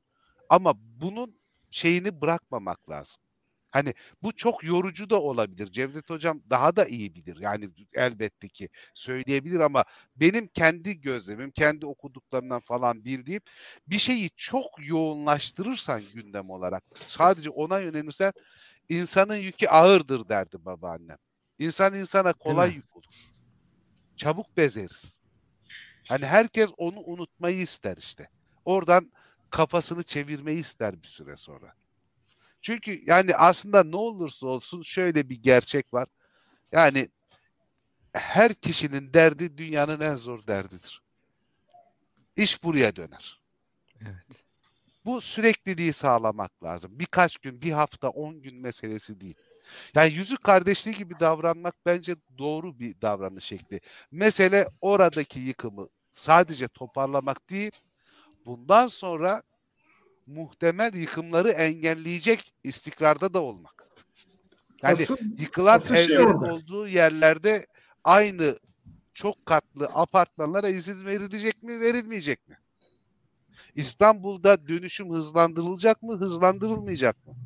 Başka deprem bölgeleri için ne tür denetimler yapacağız? Nasıl oraları böyle bir depreme elimizden geldiğince ne kadar hızlı yapabiliyorsak dönüştürebileceğiz? Yani Zafer abi Elrond divanındayız artık tartışıyoruz.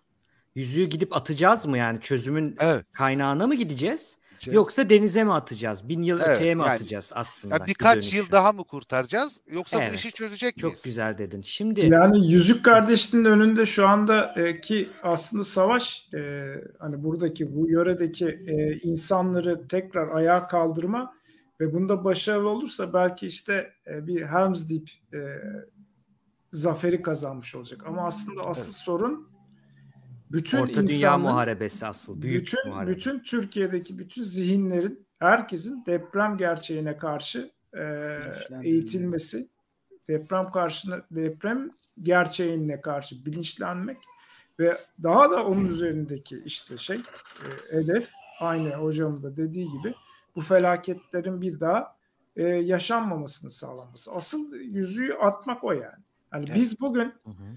5 sene içerisinde olmadan Marmara depremi gerçekleşmeden İstanbul'daki e, önlemleri alabilirsek ve o e, beklenen deprem olduğunda felakette karşılaşmazsak o zaman işte o ins- yüzük kardeşliği atmış demektir. Ama şu andaki önümüzdeki e, süreç çok zor. Aynı e, Helm's Deep'te o orkların Urukailerin gelişini gördüğünde orada bir avuç insanın hissettiği gibi hissediyoruz hepimiz. Çok korkunç bir yük var herkesin omzunda.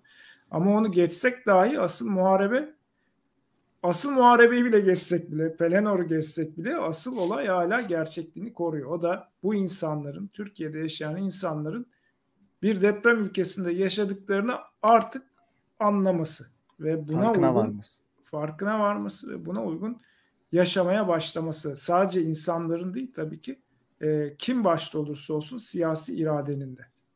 Kesinlikle. Eğitim.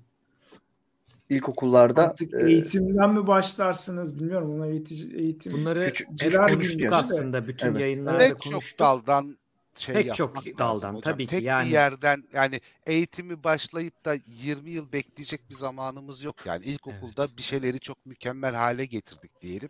E bunların karar verici olmaları 30-35 yıl sürecek zaten.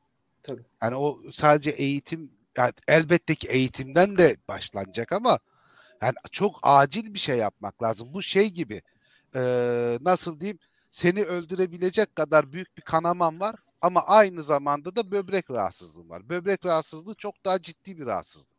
Ama ilk başta kanamayı durdurman lazım. Tabii.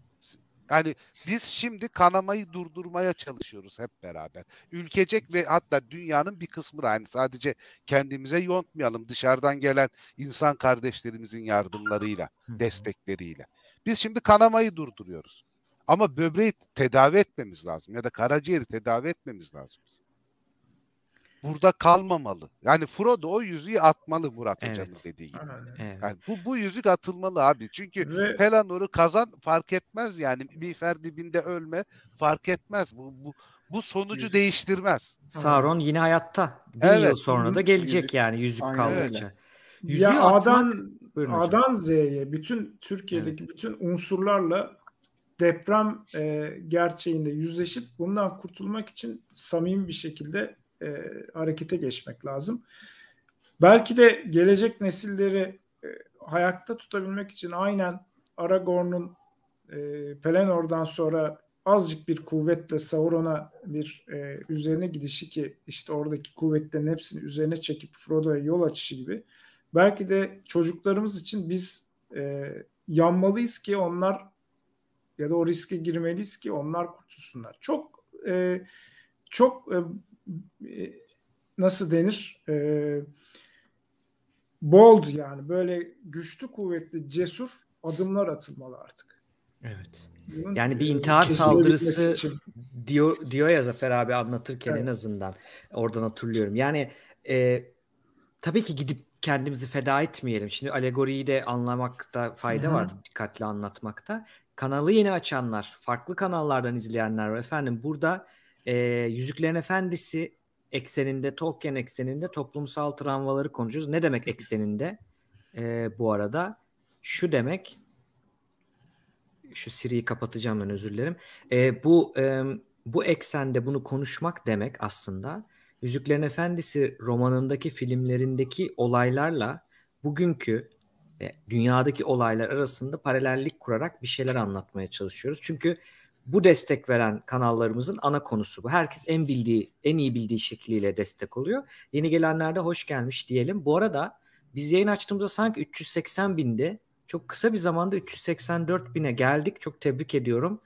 Ee, günlerdir biz nasıl e, uzun soluklu bir şekilde fedakarlık yapıyorsak asıl büyük fedakarlığı bu bağışları yapan insanlar. Anonim Kesin. veya ismini bildiklerimiz yapıyor. Çünkü bu paralar kolay kazanılmıyor. Bu para demek onların zamanları, emekleri demek. Eşittir bu. Onlar da bir şekilde bu emeği belki bir şeye dönüştürüp veriyorlar ama arkasında emek var. Büyük fedakarlık, büyük cömertlik. Çok teşekkür Cevdet ederiz. Cevdet Hocam herkese. şunu söyleyebilir miyim ben bu e, lafın üzerine? Ee, işte iki gündür yapıyorum ben de yayınlarda bu havuza katkı olmak için. Hep bütün hepsi değerli tabii ki. 100 lira veren, 150 lira veren, 1000 lira, 10 bin lira, 20 bin lira gördük. Hepsi çok değerli. Fakat benim dikkatimi en çok 3 lira verenler çekiyor. Yani bu benim benim gö- gözümde şöyle bir şey. Ya benim param yok ama kalbim var abi. Yani 3 lira da olsa 3 lira 3 liradır yani. Veremiyorum ama bu kadarını vermek istiyorum. Bu, bu bana çok şey yapıyor. Çok duygulandırıyor beni. Yani herkese teşekkür ederiz. Ama o 3 liradaki e, endişeyi ve gerçek büyük gönüllülüğü de görüyorum. Herkese teşekkürler tekrar. Murat abi çok güzel dedin. Yayınlarda iki güne yakla iki gün olmak üzere kesintisiz. Ondan önce bir 7 saatimiz var bizim. Bütün bu yayınlarda zorlandığımız oluyor, duygulanıyoruz. Bunu anlattım bir önceki yayınlarda. Bile, yani izleyenler, takip edenler bilir. Duygulanacağız, okey. Ee, beni en çok duygulandıran yerlerden biri bir bağış sistemimizde onu şimdi buraya çevirdik ama bir kişi yollarken bin lira yollamış ve demiş ki bu benim bu ayki burs param. Bu ay burs param yok bunu yatırdım demiş. O da aynı şey. O dediğin gibi 3 lira da aynı şey. Hepsi aynı şey. Ee, çok çok çok duygulandırıyor bizi bu. Çok teşekkürler arkadaşlar. Şuraya gelelim o zaman. Ee, yeni açanlara da açıkladık. Şuraya gelelim. Şimdi Elrond Divanı'ndayız şuna karar vereceğiz aslında. Gerçek hayatta kaldığımız yer burası da biz burayı da öteye götürelim ki geleceğe de ışık tutsun Tolkien'in şeyleri ama şu anki olduğumuz yer aslında bunu tartışacağız. Bu yaraları sardıktan sonra Frodo yaralandı. Frodo'yu kurtardıktan sonra belki ya öyle diyelim. Şimdi biz artık yüzüğü denize mi atalım? İşte Valinor'a mı götürelim? Kartallarla mı atalım? Yoksa gizlice gidip biz mi atalım? Yani yüzüğü yok mu edelim etmeyelim mi? Yani sorunu kökten çözelim mi? Tehlikeye karşı hazır olarak. Yoksa, Yoksa erteleyelim öteleyelim mi? Evet. Ve burada en işin sonunda Frodo'nun yüzüğü atması ki atarken parmağını kaybediyor. e, kendini de kaybetmekle. Yani onu Frodo kabul atamıyor ederek gidiyor. Onu da ekleyeyim. Evet, evet doğru dedin hocam. Aynen. atamıyor. Aynen. Buraya da geleceğim. Bu çok önemli bir şey. Yüzüğün atılması diyelim. Yüzüğün atılması öyle veya böyle çok büyük fedakarlıklar gerektiriyor ya. Ee, bizim yüzüğü bırakmamız aslında ben şunu anlıyorum. Şu anki kısa rahatımızı gelecekteki hayatta kalmamıza değişmek. Yani şu anda bizim önlem almamız bizim için zor. Para gerektiriyor, emek gerektiriyor, düzenimizin değişmesini gerektiriyor, belki taşınmamızı gerektiriyor. Hani bir sürü katmanı var. Devlet için yani tüm millet için bizim vergilerimiz, bizim e, emeklerimiz, hepimizin emeğiyle yeni sistemler kurulması, depreme dayanıklı binaların yapılması, bu işin ciddiye alınması, topyekün bir orta dünya savaşı gerçekleştirilmesi gerekiyor. E, bu aynı işte bunu yapmayalım ya, yapamam ya. O o kararsızlık işte aynı kararsızlık gibi geliyor bana.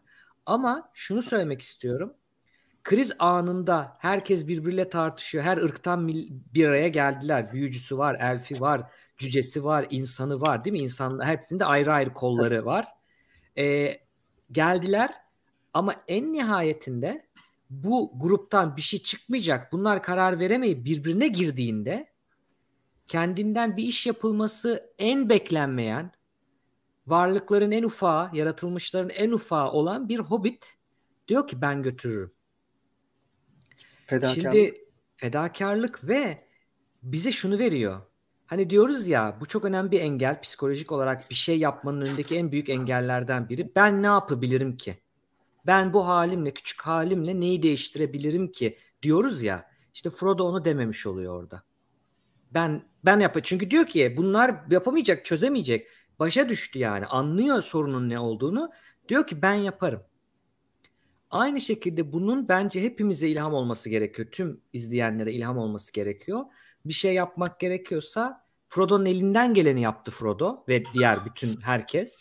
Ben yaparım e, deyip bir öne Tabii- çıkmak gerekiyor orada. Tabii orada e, onun da rehberlik aldığı çok bilge bir Evet. figür var biliyorsunuz orada. Gandalf isimli.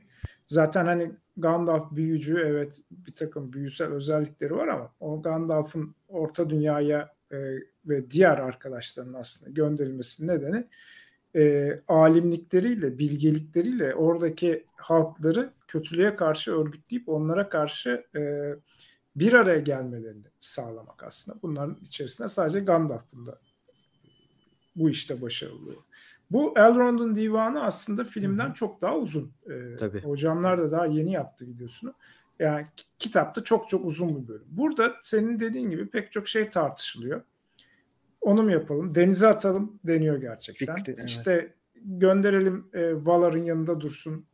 Tom Bombadil'e verelim. işte parçalayalım, şey yapalım. Her tür şey konuşuluyor. Gandalf orada şunu söylüyor. Bu şu anda bizim başımıza bu çağa başına gelmiş olabilir bu kötü zamanlar. Ama bizim amacımız bunu sadece şu anda değil ileriki çağları da koruyacak şekilde halledebilmek. Yani bunu denize atmak bundan 3000 sene sonra bu e, musibetin tekrar gelmesi anlamına gelir. Bizim görevimiz bunu tamamen ortadan kaldırmak olmalı diyor. Ve e, biz de aslında bu yaklaşımı e, bundan sonra edinmeliyiz. Bu Sorumluluk ülkede- alıyor aslında. Evet. Bu Yani ülkede hepsi bir daha bu ülkede bir daha böyle bir felaketin yaşanmamasını ne kadar zor olsa da senin dediğin gibi çok zor bir görev olsa da bunu üstlenmemiz gerekiyor ve hepimizin de aslında orada birer Frodo olması lazım şu an. Kesinlikle. Yani yüzüğü ben götüreceğim demesi lazım herkesin. Sorumluluk Ancak- alması lazım işte. Aynen Ama öyle. Hocam ne diyor. Frodo orada Can? tamam ben götürürüm ama yolu bilmiyorum. Yolu bilmiyor. Evet. Çok güzel bağladın hocam onu diyecektim. Frodo bunu tek başına yapmıyor. Tüm dünya aslında yani Pelennor Savaşı bilmem ne onların ölenler orada bütün hikayeyi düşündüğümüzde şöyle büyük baktığımızda ya da üç filmi izleyenler düşünsün öyle baktığında e, önce Frodo diyor ki ben götürürüm. Sonra kimlerden yardım alıyor? Hangi figürlerden yardım alıyor? Zaten Murat Hocam söyledi. Çok aşikar ama ben ona bir, birkaç kişiyi de katmak istiyorum. Bence Gandalf, Galadriel ve Elrond oranın bilim insanları. Yani orta dünyanın bilim insanları. Benim o anda gördüğüm. Var mı ekleyeceğiniz? Vardır belki sizin de. Kişisiye bir karakter. Yani Arif e, Arifleri. sonuçta Arifleri hepsi. tamam. Filmde olanları da düşünüyorum ki hani akılda onları seçiyorum basitçe. Şimdi bunların önemi birisi Elrond yüzüğün bir yere kadarkini biliyor. Şimdi Arif deniyor orada. Biz de eskiden öyle diyorduk. Bilge diyorduk, Arif diyorduk değil mi yani? Evet. Ee, ama irfan sahibi falan. Bugünün bilgesi Arif'i kim? Bilim insanları. Bu, bu net zaten. Neyi biliyor bunlar? Gandalf diyor ki bu yüzü yüzü yok etmezsen bu olur. Ben bunu biliyorum diyor. Yani onun alimi, yüzükün, yüzüğün alimi. Ee, bunu yapmazsan şu olur. Yüzüğün böyle bir etkisi var. Takma, takarsan seni görür diyor. Bunların hepsi bilgi aslında. Ama e, ya da Elrond işte haritaları okuyor, bir şeyleri okuyor, bir yere kadarkini biliyor. İnsanları bir araya getiriyor. Bi- Bizim bugün belki yaptığımız gibi bu platformların bir araya getirdiği gibi divanı topluyor. Öyle görünüyor ya filmde aslında öyle değil ama hadi öyle diyelim. Neyse. Şimdi Galadriel'in de bildiği başka şeyler var. Frodo'ya verdiği bilgiler var. Yüzüğün doğasıyla ilgili destekleri, eline verdiği materyaller var. Erendil'in yıldızı, şişe gibi gibi gibi. Ya da işte düştüğünde yardım etmesi gibi. İşte bilim insanlarını Frodo ve Yüzük Kardeşliği dinliyor. Bunu görüyoruz. Onların yönlendirmeleri, bilgilerini katarak hatta ve hatta Yüzük Kardeşliği'nin lideri Gandalf bizatihi bir şekilde. Yani Gandalf diyor ki bunu yapacağız, onu yapıyorlar onlar da. Ee, bu çok önemli. Siz ne dersiniz? Diğer karakterleri nasıl anlayabiliriz, nasıl bakabiliriz? Ya aslında şimdi Zafer abi sana pas atayım hatta şeyde yani bu biraz önce çok güzel bir şey oldu yani nokta oldu. Yani bizim bu artık sorunu kökünden çözmemiz gerekir deyip bir şey söylüyoruz. Evet bu bir idealist bir fikir ama şu hep kaçılıyor ki filmde de yine aynı şekilde ilerletirsek filmde yolculuğa çıktıktan sonra Yüzük Kardeşliği yaklaşık e, filmlerden söyleyeyim bir 6-7 saatlik e, çok ciddi bir mücadeleyle çeşit çeşit mücadelelerle bütün yol boyunca karşılarına çıkan e, devasa evet. örümceklerinden tutun, orklardan, uruklardan, nazgüllerden tutun da yani onun oraya atılmaması için karşılarına ne çıkacak? Ne çıkabilirse. Bütün engeller çıkar ve ama bu kafile birbirlerinden ayrı bile olsalar bu mücadelelere devam ederler. Yani şimdi bizim son yine aynı şekilde birbirini içerisine geçirerek konuşmak gerekirse e, bugün mesela bütün iyi niyetiyle e, doğruyu yapmaya çalışan birçok insan var ve sosyal medya çok berbat bir şekilde bu iyiliği gölgeleyebilmek için e, uğraşan tiplerle de dolu. Mesela e, ya işte orada çok kötü olaylar yaşanıyor. Birazcık iyileştirme olsun dendiği anda birisi sosyal medyadan bir yağmacının yağma yaptığı görüntüyü atıyor. Yani orada bütün o acıyı dindirmeye çalışanların insanın arasında.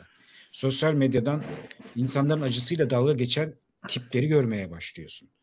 Ee, yardım torbalarının içerisine işte garip garip şeyleri koyan Aramızdaki uruklar abi işte onlar. Aramızdaki uruklar, nazgüller yani orada gücü işte e, bir şekilde ben buranı böyle yapacağım, ben şurayı şöyle yapacağım deyip aslında birçok organizasyonu kendisine göre e, bozan tipleri görüyorsun. Şimdi böyle olduğu zaman bu mücadele kolay bir mücadele değil. Aynı Yüzüklerin Efendisi'nde e, şeyin bizim Yüzük Kardeşliğinin 9 kişinin yola çıktığında hemen gideceğiz işte 3 300 kilometre yürüyüp şunun içine atacağız diye bir şey de yok. Yani bu mücadele ay- aynı zamanda da çok zorlu geçecek bir mücadele. Ve karşımıza çok fazla engel çıkacak. Biz bunlara gerçekten gönüllü olmamız lazım bu zorluklara. Yani bir, çünkü bir oyun değil. Gerçekten çok zor şeyler yaşıyor. Hem şu an içinde bulunduğumuz durumda çok zor şeyler yaşanıyor. Hem de uzun vadede. Yani belki bu 40 sene, 50 sene sürecek, 60 sene sürecek bir vade içerisinde de bizi çok zorlu mücadeleler bekliyor. Bizim ilk başta bunun için gönüllü olmamız lazım. Zaten orada e, mesele karar veriliyor ve gönüllüler ortaya çıkması gerekiyor ya. Yani filmde şey diyor yani kimler gidecek işte o benim kılıcım ben kılıcım ve senleyim. Aslında kitapta tam olarak öyle olmasa da hadi biz film üzerinden gidelim. Birilerinin gönüllü olması lazım gerçekten bu işi doğru yapmak. Ama gönüllü olsan bile her şey senin için toz pembe mi olacak? Asla.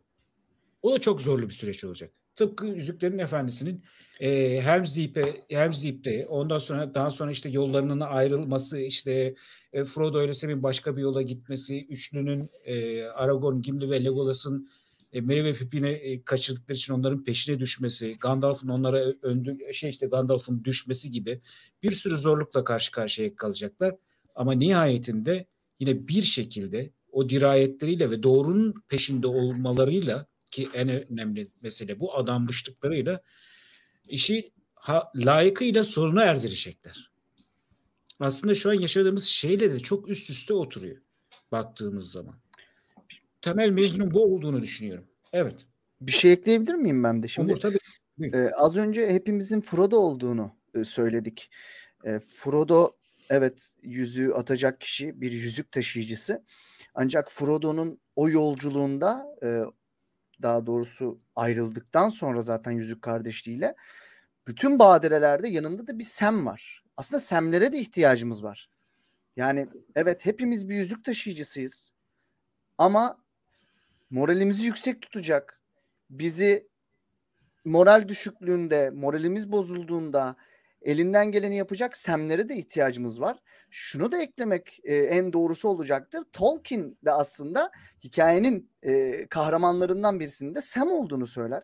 Ya yani böyle baktığımız zaman evet hepimiz bir Frodo'yuz. Hepimiz bu yüzüğü atmak istiyoruz ama e, Sam'lerin de olması gerektiğini e, ben e, söylemek istiyorum. Yani Sam de hikayenin e, en önemli karakterlerinden çoğu kişi için belki de filmi izleyenler için, kitabı okuyanlar için en önemlisi e, olabilir herhalde. Kahramanlar, destekçiler, healer'lar hepsinin olması lazım yani.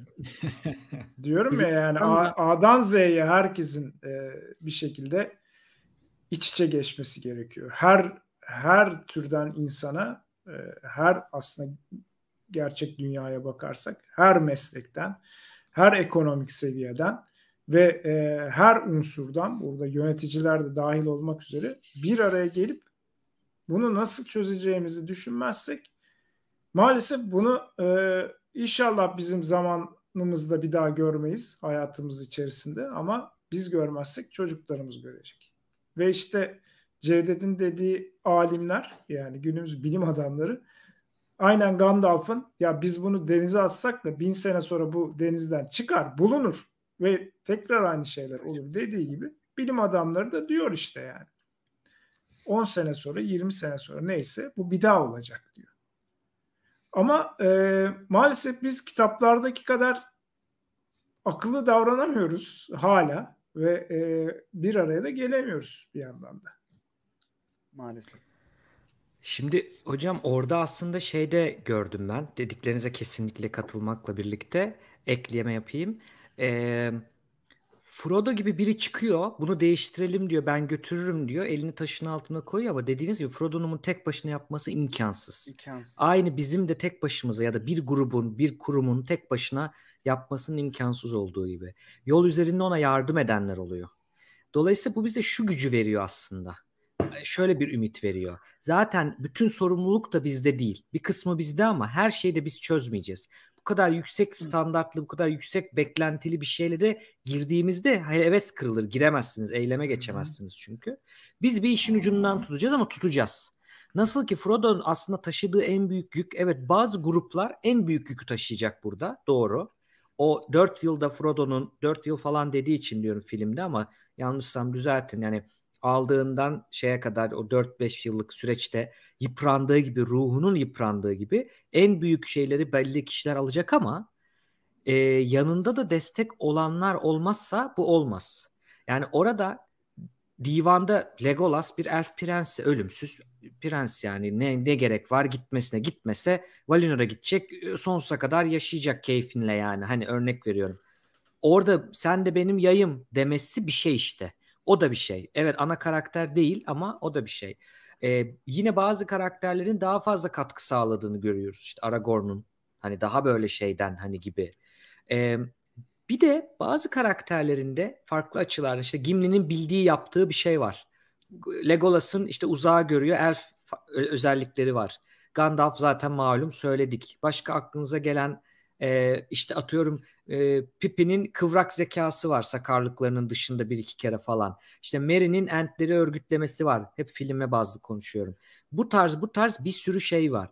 E, ve şunu da gösteriyor bize. Aynı filmde kitapta gördüğümüz gibi çok küçük bir karakter. Ne yapacak gibi Hobbit diyoruz. Yan karakterin yanı işte Pippin sonunda nelere sebep oluyor. Ya da Merry işte Eowyn'le Cadı Kralı ölmesine sebep oluyor falan gibi bir e, şeyi görürüz. O yüzden ben bunu yapıyorum bir şeye yaramaz. Elimden az gelir bir şey de çözmez demeyin. Yapın Acaba aynı bu, onların bu yaptığı tabloda gibi. Gollum'u nereye koyabiliriz? Gollum e, Ona sonra gelelim. O çok advanced bir şey hocam. Gollum kötü ama sonuçta hayra neden oluyor. Sonuçta o kötülüğü. Evet. Evet. Ne dersiniz Bilemedim Zafer ya, Hocam? Bilemedim. Kimi, Siz ne dersiniz? koyabiliriz? Büyük kötülükler olmadan insanoğlu çok akıllanmıyor. Tarihe baktığımızda da böyle. Gollum'u bu berbat yapılandırmayı yapan kişilere benzetebiliriz. Yaptıkları o kadar yıkıcı oluyor ki bir yerden sonra görmezden gelemiyorsun. Düzeltmek zorunda kalıyorsun. Hı hı. Veya şunu diyebiliriz. Bunun yayınını da yapmıştık ya. Makalesi falan var Gollum'la ilgili yani işte e, iki tane orada yani iki karakter var gibi ama birbirinden haberdarlar, haberdarlar. Evet. E, Gollum karakteri işte diyor ki yüzük bizim yüzüğü al onları öldür gibi bir karakter. E, Smeagol karakteri daha iyi niyetli bir karakter vesaire. Gollum'un bir süre sonra etkisinden kurtuluyor. Hatta bir sahne var. Smeagol hür diye bağırıyor ya hani Evet. gibi. E, ben bunları düşündüğümde birazcık şey de geliyor aklıma. Hep Gandalf diyor ya, ya en sonunda onun neye yarayacağını en arifler bile bilemez yani. Sen onun hikayedeki rolünü bilemezsin. Bize şunu gösteriyor. Bize şu an kötü gelen bir şey, eee, bozuk bir sistem, ileride bir şekilde bir şeye de sebep olabilir. Ama bozuk sistemden kastım şu, bozuk sistemi düzeltmeyelim değil. İşler, işlevler içinde üzüldüğümüz bir şey, yolunda gitmeyen herhangi bir şey, elinizde olmayan, kontrolü olmayan bir şeyi e, yok etmekte, öldürmekte, onu bu sahneden çıkarmakta çok acele etmeyin. Çünkü oynayacağı bir başka rolde olabilir imajını bana veriyor. Ama bu tabii nasıl bir mesaj onu herkes kendi aldığında kendi değerlendirsin. Diğer verdiğimiz gibi verdiğimiz gibi çok net bir mesaj olmadı bu. Bunun da farkındayım. Akıllanmak belaya ihtiyaç duyar. Yani Evet. öyle şey durduk yere kimse akıllanmıyor Cevdet Hocam. Öyle, Evet. öyle bir şey yok yani. Büyük bela akıllanmana sebep sebep olur. Gollum orada büyük beladır hakikaten. Evet. Ve birçok şeyin akıllanmasına sebep olur. Sonuçta da zaten kendi hırsı yüzünden yüzük oraya düşer. Yoksa. Frodo onu atamaz yani. Ee, ya biraz işte o asalak teorisi vardır ya hiçbir asalak kendi yaşadığı bedeni öldürene kadar sömürmez hikayesi. Hı hı. Ee, belki de bir yerde bu kötü zihniyet, yozlaşmış zihniyet, insan zihniyetinden bahsediyorum. Ülke için demiyorum, dünya için, yani insanlık için diyorum. Ya bir yerden sonra o asalaklığını hatırlayacak ve şey olacak yani yani artık kendimizi yok ediyoruz'a geleceğiz yani. Hmm. Ya bu yok oluşun içinde ben de varıma gelecek belki.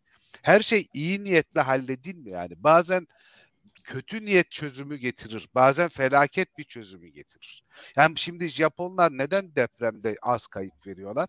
Başlarına o kadar çok felaket geldi ki akıllandı adamlar. Yani bu, bu burada yaşayacaksak abi, bu ülkede yaşayacaksak bizim bir şey yapmamız lazım yani. Yoksa yaşayamıyoruz, ölüp duruyoruz yani.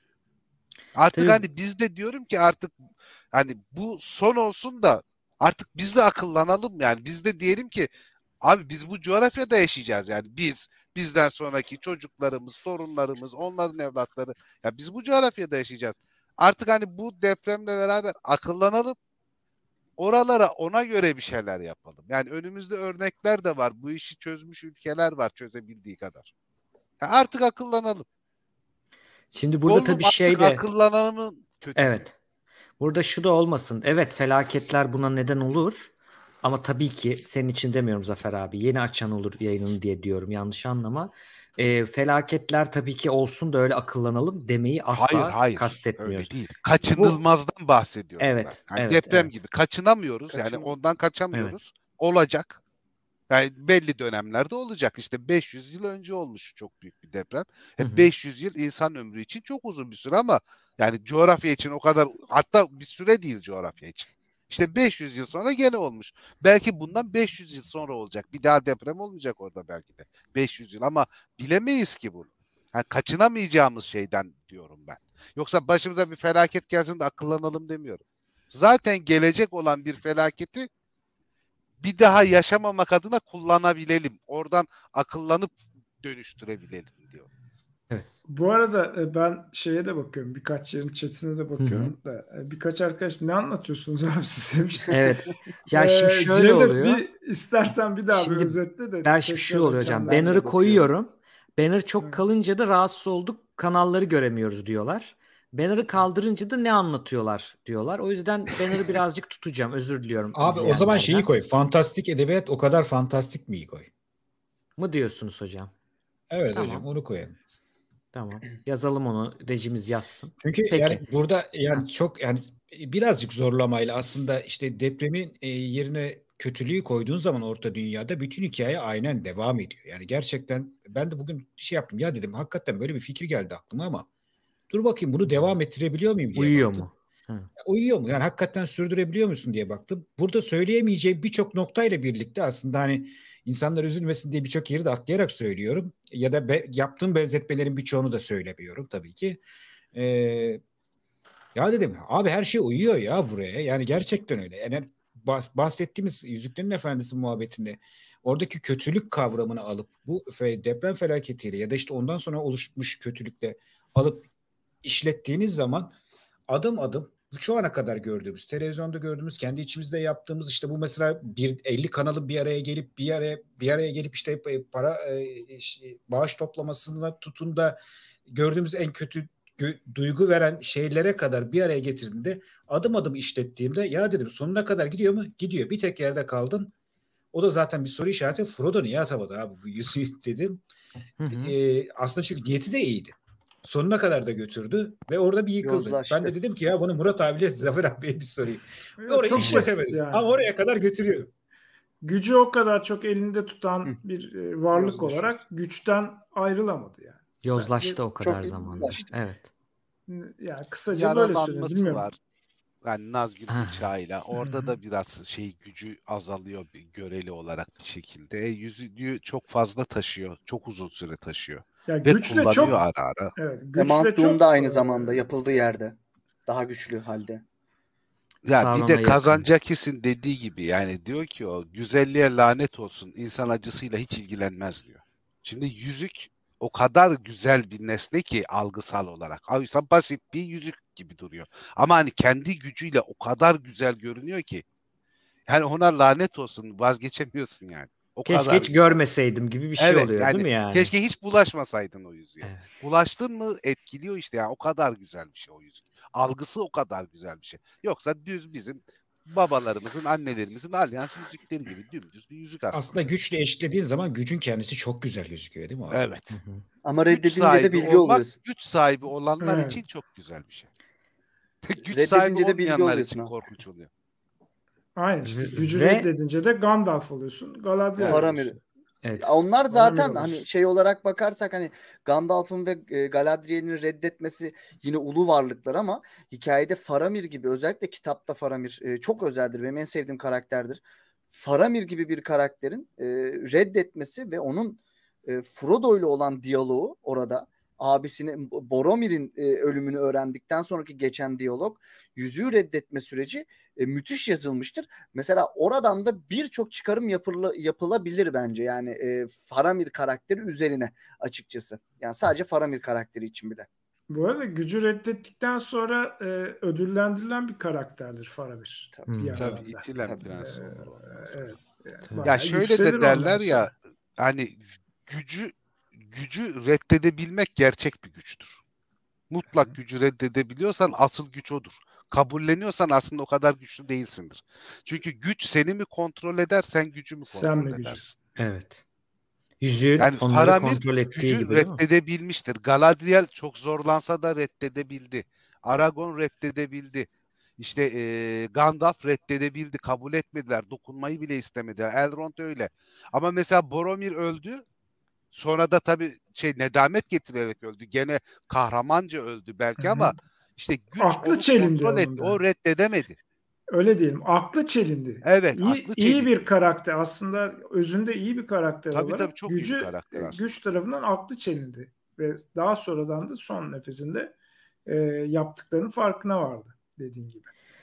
Benim bu hikayede sonuna kadar uyuyor dedik ya güç yozlaştırdı dedik. Frodo'yu da şey yaptık Cem Hoca'nın. Gollum tam oturmadı bende. Ama şunu yapalım. Ya bence onun yorumu tam bizim içime şey yapmadı. Şöyle yapalım biz devam edelim ona. Chatten yorumlar alalım. Biz düşünelim. Belki konuştukça açılır. Ama diğerleri çok güzel. Yani cuk diye oturuyor aslında. Tekrar geliriz. Ee, buradan şuna geçelim mi? Karakterleri de konuştuk ya özelliklerini, benzerliklerini. Bu karakterlerin bir de temsil ettiği aslında değerler var. Bu değerler aynı o karakterlerin Yüzük Kardeşliği'nin bu inanılmaz engelleri aşmasını sağladığı gibi o özellikleri, o karakter. Yani işte mesela Sem'in yılmazlığı, Sem'in oradaki direnci, hiçbir zaman ümidini kaybetmemesi bir örnek.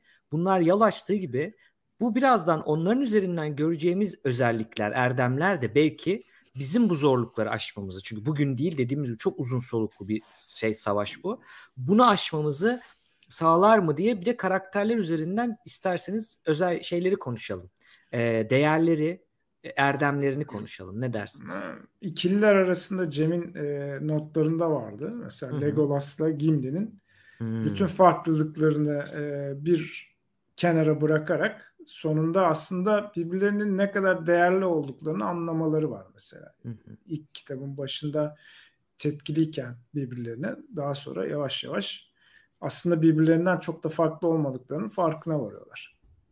Bu e, ikisi arasındaki dinamizm çok e, güzeldir kitap içerisinde mesela. Bu buradan o çıkabilir. Çok iyi. Legolas ve Gimli'den. Bir, bir detay da orada be- belki hocalarım. E, çok mu konuşuyorum ben sizi şey Hayır yapıyor muyum? hayır. Estağfurullah. Gayet iyi buyurun. Ee, bir detay da şu. Biz bazen böyle filmlerin de etkisiyle şey bekliyoruz ya mükemmeli bekliyoruz ya işte yıllardır düşman olan şey bir anda hadi de el sıkışsın böyle reklam gibi hadi başlasın hiç sorun çıkmadan sonuna kadar. Gerçek olması o fantastik edebiyatın aslında orada ne kadar zorlanıyorlar. Sevmiyorlar birbirlerini bir şeyler bir şeyler ama o zorlantı içinde birbirlerini tanıdıkça birbirlerinin hayatlarını kurtardıkça bir şeyler bir şeyler bu hale geliyor. Dolayısıyla şunu demeye çalışıyoruz. Bu iş zor. Bu işin önünde engeller var. İstediklerimiz öyle hemen olmayacak. Hep bir çaba, hep bir iş gerektirecek. Bu da işin doğası. Bu sizi yıldırmasın. Bu sizi ümitsizliğe sevk etmesin efendim. Yani ben Frodo gibiyim, e, şey yaptım ya da işte Sam gibiyim, X gibiyim, Y gibiyim, Aragorn gibiyim. Hiç de zorlanmayacağım, bunu çözeceğim. Öyle değil bir şeyler olacak ama sonunu bize gösteriyor Yüzüklerin Efendisi. Bak bunlara dayanırsan şimdi sonunu aynı o bitiş sahnesini düşünsünler. Öyle olacak bak. Onu gösteriyor aslında. Biliyoruz o açıdan. Ee, Zafer abi. Ya şöyle samimi bir şekilde bir amaç birliğine varırsan herhangi biriyle oradan bir dostluk çıkar. Yani Evet. Legolas'la Gimli cüceler ve elfler arasında birçok sebebe dayanan büyük sorunları var. Legolas da zaten şey değildir bilmeyen arkadaşlar diyeyim. Yani kutlu elflerden değildir. O biraz daha yabanıl elflerdendir. Orman elfidir. Yani şey değildir böyle en üst düzey yani Quenya kullanmaz, Sindarin kullanır falan.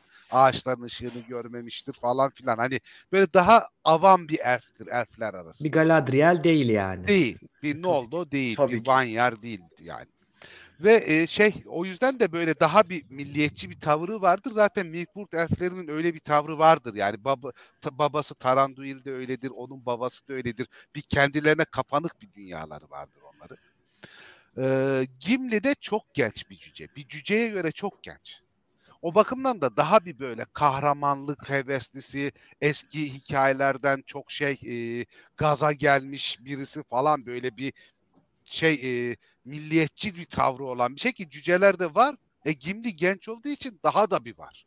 O yüzden birbirlerinden hiç hoşlanmazlar. Ha, bu problemli bir birlikteliktir o başlangıçta. Ama amaç nedir orada? Büyük kötülüğü alt etmek. Amaçları ortaktır. İkisi de halis bir şekilde bu amaca hizmet ederler. E bu amaca ikisi de herhangi bir e, arka planda bir şey e, düşünmeden, bir hindik düşünmeden bu amaca yöneldiklerinde aslında birbirleriyle ne kadar uyumlu ve kardeş olduklarını anlarlar. Bu bambaşka bir yakınlaşma sağlar. Zıtlıklardan bir e, dostluk çıkartırlar. Mesele samimi bir şekilde amaç birliğine ulaşabilmektir. Amaç birliği olursa oradan dostluk çıkar. Şey gibi hani yani şey olarak e, hani ülkemize diyoruz ya ocular bucular bölündük biz çok fazla bölünüyoruz kendi aramızda böyle yapmayalım falan. Şimdi amacımız depreme karşı en az hasarla atlatan bir ülke olduktan sonra halis bir şekilde biz halk olarak bunu istiyor isek hangi partiden, hangi siyasi görüşten, hangi dini inançtan olduğumuz fark etmeksizin bu amaç bizi bir yerde birleştirebilir. Cidden samimiysek bu konuda. Biz hakikaten bu ülkenin boş yere insanları ölmesin diyorsak depremlerle, felaketlerle hangi dünya görüşünden olduğunun bir önemi olmadan bu halis bir şekilde buna niyet etmiş adamlar arasında bu yıkılmaz denilen duvarları yıkabiliriz. Bu bu işe de yarayabilir. Artık birbirimizle konuşabilir hale geliriz ortak bir amaç için. Legolas'la Gimli onu tarif eder. Zafer abi bizim seninle yaptığımız yayında da bunu söylemiştim. Tekrar edeyim. O 3 saatlik bir yaptık ya. Hı hı. Evet. Ee, çok güzel bir örnek. İki örnek var içinde bilimsellikten de bağlamak istiyorum. Ee, bir tanesi şu kısaca anlatacağım. Muzaffer Şerif ismini duyan var mıdır bizim aramızda? Yok. Yok Zafer abi demek ki yayını unutmuş. Yayında bahsettik. Bak evet. hatırlamıyor. Evet hatırlamıyor. Şaka yapıyorum. Çünkü ders abi. değil. Tabii ki hatırlamayacaksın. Hocam çok... Muzaffer Şerif e, abi sorun Muzaffer Şerif e, çok önemli bir sosyal psikolog. E, Türk kökenli Amerikalı e, ve e, sosyal psikoloji kurucularından sosyal hmm. psikolojinin.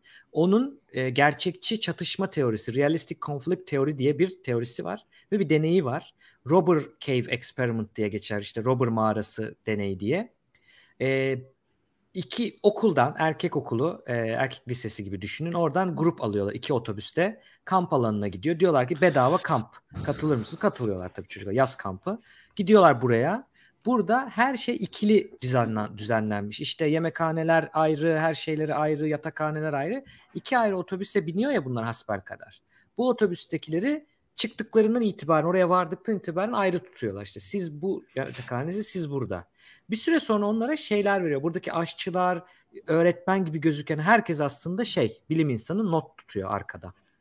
Ee, ve bunlara diyor ki sizin bayrağınız ne olsun? Bizim bayrağımız bu olsun. Sizin adınız ne olsun? İşte bu olsun. Onların ne olsun? Böyle. Bir süre sonra araları iyi. Ufak ufak atışmalar başlıyor. Ya onlar da bilmem şöyledir. Onlar da böyledir falan. Sonra şöyle deneyler yapıyorlar. Acaba sadece bir grubun kazanacağı bir ödül olsa ne yapar? Survivor gibi düşünsünler. Hani bir grubun kazanacağı bir ödül olursa ne olur? Çok büyük düşmanlıklar doğuyor ve bu düşmanlıklar oyun bittikten sonra da devam ediyor. Gece bir grup ötekinin yatakhanesinin camını kırıyor, öteki yemeklerini döküyor falan. Sonra diyorlar ki bu iş çığırından çıktı. Biz buna düşmanlık yaratmak istiyorduk. Tamam yarattık. Neden olduğunu anlamaya çalışıyorlar. Çözmek için de hepsinin üzerinde bir hedef koyalım. Şöyle traktör bozuluyor ve mahsur kalıyorlar. Yani olay o. Ve diyorlar ki bunu tek bir grup yapamaz. Birlikte çalışmazsanız bunu teda yani tamir edemeyiz ve dönemeyiz diye bir şey ortaya atılıyor. Sürtüşmeler olsa da bu çocuklar birlikte çalışıp bu işin altından kalktıktan sonra hem birbirlerini tanıyorlar hem düşmanlıkları azalıyor ve bu deney bittiğinde diyorlar ki istediğiniz otobüste gidebilirsiniz. Yani A'nın da B'nin de otobüste gidebilirsiniz dendiğinde serbest bırakıldığında e, karışık otobüslere binip okullarına geri dönüyorlar. Bu tam da işte Gimli Legolas'ın senin dediğin üst bir şey. Bunu bilimsel olarak da biliyoruz demek için bunu anlattım. bir diğer bildiğimiz de temas hipotezi. Birbirine karşı ayrımcılık ön yargısı olan gruplar veya kişiler temas ederse birebir veya birinden duyarak o kişilerle ilgili ön yargıları düşüyor. Bunu söylüyor bu da. Aynı şekilde bu da e, bu filmde var mı bilmiyorum işte birbirlerini anlatıyorlar belki divanda onu sayabiliriz. Ya da burada direkt bir arada bir maceraya çıkıyorlar. Birbirlerini tanıma fırsatı doğuyorlar ve o düşmanlıkları gidiyor. Bu da bizim için bizim bugünkü ayrışmalarımız için de belki bir şey olabilir diye anlatmak istedim. Hatta öyle gidiyor ki düşmanlıkları e, Rohan e, kitapta da filmdeki sahnede e, Eomer'le olan e, şeyde Eomer e, Gimli'nin üzerine gelirken ok çekiyor ve hani orada Gimli'yi korumak için hayatını tehlikeye atıyor. Yani aslında Gimli'nin hayatını kurtarıyor gibi. Orada da öyle bir mühürlüyor aslında dostluklarını. Ben hep o sahneyi kafamda öyle e, oturturum. Evet Gimli ve e, Legolas arasında ilk baştan beri öyle tam bir dostluk yok ama o sahnede artık e, mühürlendi dostlukları gibi algılıyorum algılıyorum ben. Bu arada dediğiniz e, şeyin deneyin de filmini izlediğimi hatırladım. Hmm. 2010 yapımı. Hatırladım onu. E, şimdi gözümün önüne geldi de bakmıştım The Experiment e, filmin ismi. Hmm. O şeydeki değil mi? Kampa gittikleri. Bir tane daha experiment e, hapishane, var da. E, hapishane. Bu dediğim hapishane değil anlattığım ama onun okay. Experimento o da güzel filmdir bu arada. Okay. E, şimdi buradan nereye geçelim? Aragorn ya buradan şunu mi? Aragorn evet ben de onu diyecektim. Bir Zafer abi sorayım. Yani şimdi benim için yani Aragorn karakterinin çok net hani kral olması o hani ne diyoruz biz eskilerin işte o bahsettiği filozof kral, bilge kral. Hmm. Herkesin o çok arzuladığı çok e, işte beklediği kral. Hakikaten çok uzun yıllar sonra Aragorn geliyor. Aragorn karakter olarak tam olarak neyi tarif ediyor abilerim? Yani Zafer abi sana sorayım. Yani nedir Aragorn'un e, bütün hikayede temsil ettiği en önemli değer? Ya da Murat abi hangisini istiyorsanız. Ya Aragon şey e, dediğin gibi tam bir filozof kraldır. Çok akıllıdır. Çok bilgedir ve deneyime çok önem verir. Yani bu bu açıdan da şeydir yani e, eğitime şeye çok e, yatkın bir adamdır. Yani neredeyse 60 yıl bütün orta dünyayı karış karış gezmiştir. Yani krallığı kabul edene kadar 60 yıl sürgün hayatı yaşar yani dağlarda, tepelerde kolcu olarak falan. Bütün orta dünyayı öğrenir, coğrafyasını öğrenir, halklarını öğrenir, düşmanlarını öğrenir. Ve şey bu uğurda hayatını defalarca tehlikeye atar. Ama aynı zamanda da ispatlarıyla gelen bir şeydir. Bir, bir şekil Mesih gibidir.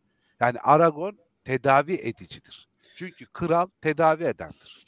İyilik verendir, sağlık verendir, esenlik verendir. Aragon'un bu tür yetenekleri de vardır. Sadece savaşçılığı değil. Ama Aragon'un çok önemli bir özelliği şudur. Mesela Narsidi Elrond divanından sonra şey yapar. E, Andur ile dönüşür, döver. Çünkü o zamana kadar bunu hak edip hak etmediğine karar veremez.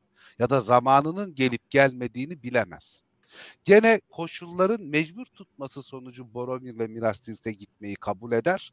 Ve oraya gittiğinde de mesela Pelennor çayırlarında bilmem ne de artık e, İmrahil falan onun gerçekten kral olduğunu kabul ettiğinde bile der ki bir zafer kazanmadan, yüzük yok olmadan Minas Tirith'e girmem. Bu hak etmekle alakalı bir durum. Vekil harç yani, davet etmeden girmem. Faramir dosyada baygındır. Aynen. Yani şey çok çok e, bilge bir kralı temsil eder. Tarihsel kişilikler olarak bu birçok kişiye benzetilebilir Aragon falan ama daha çok insanlığın Mesih inancına benzetilir Aragon aslında bir nevi bence. O şey kutsanmış kişidir. Yani bir nevi Neo'dur Aragon. Hem kahraman hem bilge. Yani bu temsiliyetler için soruyorum. iman şövalyesine benzer. Öyle diyeyim. Şimdi bunu anlatmak çok uzun hikaye de hani bilen arkadaşlar vardır dinleyenlerden. Aslında iman şövalyesine benzer. Yani kaderinden kaçamayacak olan kaderine mahkum büyük karakter. Aslında kaçmak da değil e, amacı. Beklemek zamanını zaman, Evet zaman ve bütün evet. kültürler tarafından da sevilen bir karakter bu arada. Elfler içerisinde zaten yaşıyor. Evet. Hobbitleri e, koruyor. E, çok uzun zaman onların sınırlarını koruyor. E, işte cücelerle bile Gimli sayesinde bir iletişim oldu. Yani tanımadığı yok gibi bir şey Orta Dünya'da. Doğru. Çünkü kültürleri biliyor. Hatta e, şeye bile gitmiş yani güneye bile gitmiş. Ki orada yıldızlar farklıydı diyor mesela. Evet. Haradrimlerin yanında da kalmış. Evet. Oralara gitmiş. Yani Aragorn doğru ahlaklı aslında ahlakı yerinde olan. Yani mesela işte hayaletler ordusunu alıp şeye de götürebilirdi Mordor'a hep bu diyoruz ya film Aynen. için konuşuyorum. Ahlaklı bir adam yani sözünü tutuyor yani söz verdi tutuyor yapabilir yapmıyor gibi. Abi güç güç metaforundan ilerlersek gücü Hı-hı. gerektiği kadar kullanan bir adam. Kullanıyor. Evet. Aslında gücü yozlaştırmasını belki daha uzun yaşasa yozlaştırırdı bence Aragorn'u. Ama hani orada o kadar yaşadığı için diyeyim. Fakat ee, güçten korkan bir adam aslında. Yani gücü korkması gerektiğini, yozlaştırdığını bilebilen bunu da ben bu kadar da gücü almayayım. Şeyi de görürüz ya prensli birine veriyor, şairi onlara bırakıyor. Yani her yer benim bu dünyanın kralı olabilirim istemeyen falan bir kişi. Bu da çok önemli.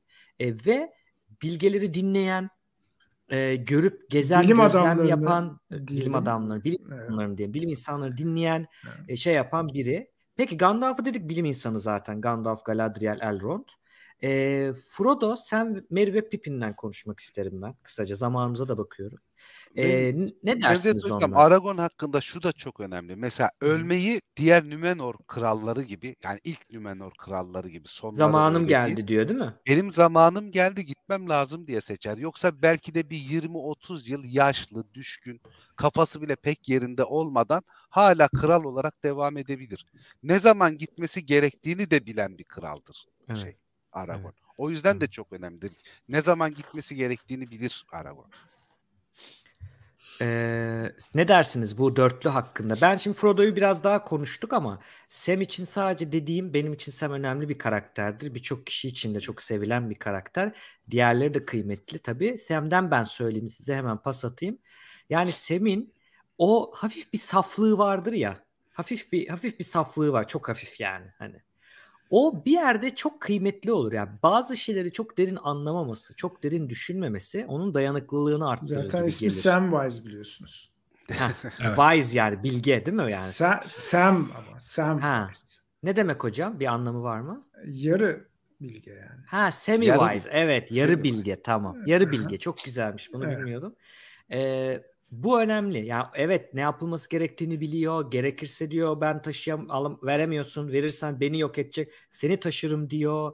Sürekli moral desteği veriyor. İşte yemeği ayar ümit veren aslında ümit ya umut yani e, Sam, Samwise deyince ve yılmaması. Şey der ya filmde, kitapta var mı onu bilemiyorum, hatırlayamadım. Yani seni diyor ümidini, şeyini, neşeni hiçbir şey bozamaz mı diyor yani. Hani diyor ya Frodo. O da şu yağmur bulutları bozar falan diyor ama tam da bozmuyor, durmuyor yani. Bir de şeyi çok iyi, vefa ya. Hepsi vefa zaten de tüm karakterlerin. Botta arkasından yüzüyor boğulmak pahasına.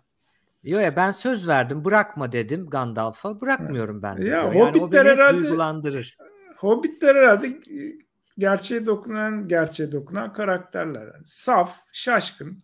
Biziz yani aslında. Sam de e, bir yüzük Hobbitler. taşıyıcısı aynı zamanda. Evet. Yani kısa kısa süreli de olsa kendisi de bir yüzük taşıyıcısı ve reddediyor. Ee, yani bu, bu bu da çok önemli aslında. Sam'in karakterin ne kadar e, güzel e, ki zaten Tolkien hem kendisi söylemiş hem de çok güzel yazdığı bir karakter olduğunu düşünüyorum ben. Sonrasında da belediye başkanlığında da çok, en, en sevdiğim Hı hı. karakterlerden birisidir benim Sam. Özel bir karakterdir. Ve çok gerçektir aslında. Diğerleri Pippin Devir teslim e, zamanı yazıyorlar ama bize mi yazıyor? O ben bizde sıkıntı yok hocam. Tamam. Heh. Ya Sam saf dostluğu ve güveni temsil Hı hı. ediyor. Yani mutlak bir teslimiyeti var efendisine. Ama şey de var tabii şimdi günümüzden bakınca şöyle bir rahatsızlık duyulabilir Sam'den. Ee, bu İngiliz hiyerarşik sisteminde efendi ve uşak hikayesinde uşağın Hı hı. mutlak sadakat durumu vardır ya böyle bir şey var. Mesela hiçbir zaman böyle filmdeki gibi birbirlerine falan sarılmazlar. Yani bir resmiyetleri vardır Frodo'yla. Yani Tabii. çünkü Frodo üst düzey bir hobbittir, üst sınıftır. Sam hizmet Bahçıvanı. bir bahçıvanıdır falan. Ama dostlukları da ayrı bir derinliğe sahiptir falan. Sam mutlak sadakati, efendisine mutlak bağlılığı temsil ediyor. Dediğiniz gibi çok zeki değil gibi görünür. Arpadam kaymak pürüzü gibi. Ama Hı hı. gene Arpadam için dediği gibi Gandalf'ın yeterince zaman verirsen düşüne düşüne duvarın arkasını görecek kadar da zekilidir. Oo, çok Zekidir güzelmiş yani bu. o şey yapar. e, o kadar da şey değildir böyle. e, kıt akıllı yani. değildir. Evet. Biraz böyle- zaman vermek gerekir sadece. Hı hı. Mary Pippin o şey e, aynı sınıftan iki değerli arkadaş tam kuzen yeğen hikayesi onlar. Tam öyle. Ya biz değil miyiz abi? Meraklılar işte? abi. Saf, E şaşkın. çok insan tabii. Yani Yani, çok iyi- biz, iyilik var içinde. Yani. Evet. Biraz şark kurnazlığı da var bu arada. İşte Isengard'ı e, bütün tütünleri böyle yemekleri falan Hı hı. alıp üzerine oturup da kapıda yemeleri gibi. Ortama Hı hı. da uyuyorlar. E, Fazla Ehli keyifler değil mi? Ehli keyifler. Ehli keyifler. Gerektiğinde e, sıkışırsa cesurlar. Ya şey Arkadaşlığa var, önem şimdi- verirler. Biziz Hı hı. ya bence. Evet. Şöyle diyelim hani e, nasıl diyeyim yanlış anlaşılmasın bu. Kötü manada demiyorum. Biz erkekler kendi aramızda konuştuğumuzdan biliriz. Hanımefendiler belki bu erkek diyaloğuna çok girmedikleri için haberleri olmayabilir. Şey vardır ya böyle e, liseye kadar falan gelirsin 3-4 arkadaş mahalleden hep beraber. Aranızdan su sızmaz. Yani bütün günü yatmak hariç beraber geçirirsiniz bilmem ne falan. E sonra erişkenliğe falan gelince kız arkadaşlarınız olmaya başlar. Kız arkadaşı olan o gruptan biraz uzaklaşır. Hı hı. Onlar da hani henüz kız arkadaş bulamamış ergen çocuklar gibi yani birbirlerinden başka kimseleri yok. Ee, Çok bir şey diyeceğim. Yani bence e, kadınlarda da erkeklerde de bu grup olabilir. O yüzden hani siz oradan verdiniz ama onu genelleyelim. Bir başka şey diyeceğim. Ee, mesela Pippin'in ilk başta tam ne istediği, ne aradığı belli değil ama hikayenin sonunda cesaretini buluyor ya. Evet. Hani mesela bu çok önemli. Ya da Mary de böyle şey gibi biraz daha aklı başında olan Daha onun. aklı başında. Eğlenmeyi de bilen ama abisi gibi biraz bir karakter ama onun da Evet. şeyi var. Herkes savaşa gitti ben de bir şey yapmak istiyorum. İsteği var ya çok da önemli bir şey yapıyor en sonunda. Tabii. Bu da var. Peki zamanımız 5 dakika 3 dakika kalmış. Onun için biraz öne alacağım. Ee, hocalarım Tamam. ee, bir de Boromir'i konuşalım çok kısa. Çünkü kilit bir karakter bence. Bir, yine bir şeyler öğrenebiliriz ondan. Çok kısa e, az konuştuğu için Umur hocama söz vereceğim. Çok kısa ne dersiniz? Sonra da bir toparlayış yapalım. Ya Boromir hikayenin en önemli Yiğit Boromir zaten. Aslında yüzüğü o demin Murat abi şey dedi ya aklı çeliniyor. Aklının çelindiğini fark ettikten sonra Hobbitleri korumak için aslında kendisini feda ediyor. Ne denir buna? Ee, kefaretini ödemek diye e, çıkarabilir miyiz? Yani Metanet ben bir hata şey. yaptım. Ben bir hata yaptım. Frodo'dan yüzüğü istedim ve bu benim için çok büyük bir kötülüktü deyip ardından kendisini hayatını vererek hobbitleri korumaya çalışması e, kitapta da çok güzel yazılmıştır. Filmde de harika sahnelerden birisidir. Boromir özel bir karakterdir ancak e, Faramir kadar kesinlikle e, bilge değildir ama yiğittir.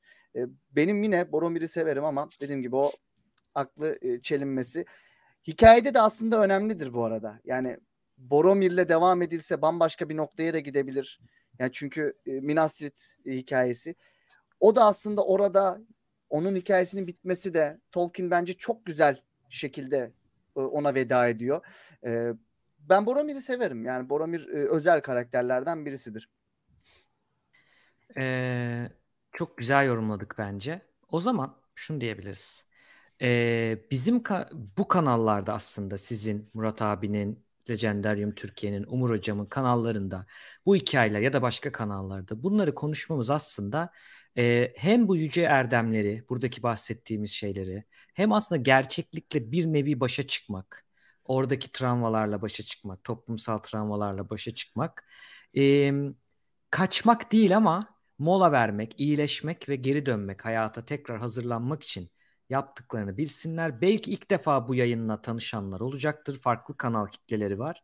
Bizi dinledikleri için teşekkür ederim ve ben en sonda Sem'in filmde her zaman bana ümit veren, gözlerimi yaşartan tiradıyla bitirmek istiyorum. Ee, kim okumak ister bu tiradı? Onu sorayım önce. Cevdet hocam sen oku. Senin sesin güzel. Tamam ben okuyayım. O zaman Frodo kısmını, e, repliklerini birisi bana şey yapsın. E, ben de yayında okumaya çalışayım hocalarım. Cem abi yapsın. Ee, bir saniye hemen bulayım. Ee, Tamam. Birazdan öteki yayına geçeceğiz şimdi. Onun duyurularını yapacağız hocalarım. Bununla bir biti- bunu bir söyleyelim. Ondan sonra yayın akışımızı, bağışlarımızı yapıp devir teslimimi yapacağım. Barış hocam zaten yayın açacak. Onu da e, vereceğim sözü. Ee, bu arada Evet, e, Hı hı. lütfen Buldunuz devam edin. hocam? Güzel bir sohbet. Bunun sonunu bizim kanaldan da yayınlamak istedim Ee, ve başladık şu anda. Tamam. Oradaki izleyicilere de selam olsun. Ay çok gerildim şimdi. İnşallah düzgün okurum. Buyurun hocam. Okursunuz, okursunuz hocam. Ee, ilk önce sahneyi hatırlatayım e, izleyen arkadaşlara. Ee, ikinci filmdeydi zannedersem yanlış hatırlamıyorsam. Osculiyet değil mi?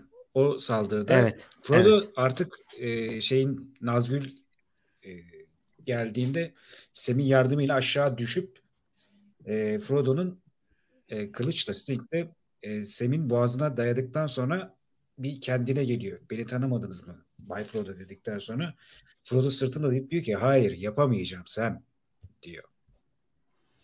Hayır yapamayacağım Sam diyor. Bu olanların hepsi yanlış.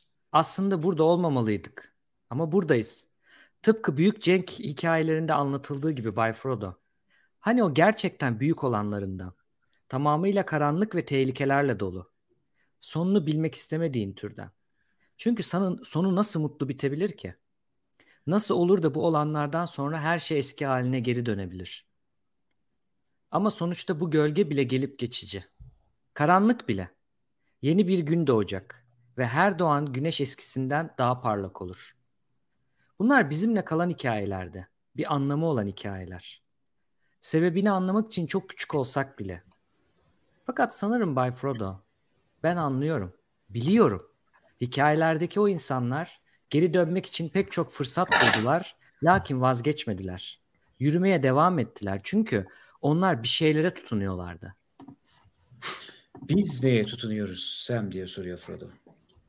Bu dünyada hala iyiliğin olduğuna Bay Frodo ve bu uğurda savaşmaya değeceğine.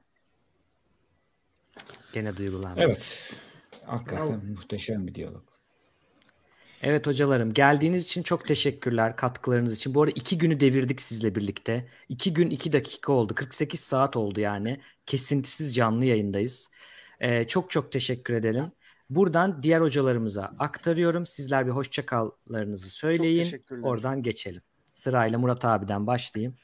Bu arada 396 e, bine de ulaşmışız. E, bu yayınların amacının aslında depremden etkilenenlere bir nebze de olsa yardım etmek e, olduğunu unutmayalım. Sohbetler güzel fakat oradaki rakamın da yükselmesi daha güzel. Bunu da hatırlatmak istiyorum. Ben şimdi zaten genel bir toparlama yapacağım ama e, kendi kanalımdan da özellikle böyle bir şeyi bulmuşken, e, böyle bir e, ekibi bulmuş, böyle bir yüzük kardeşliğini, konseyini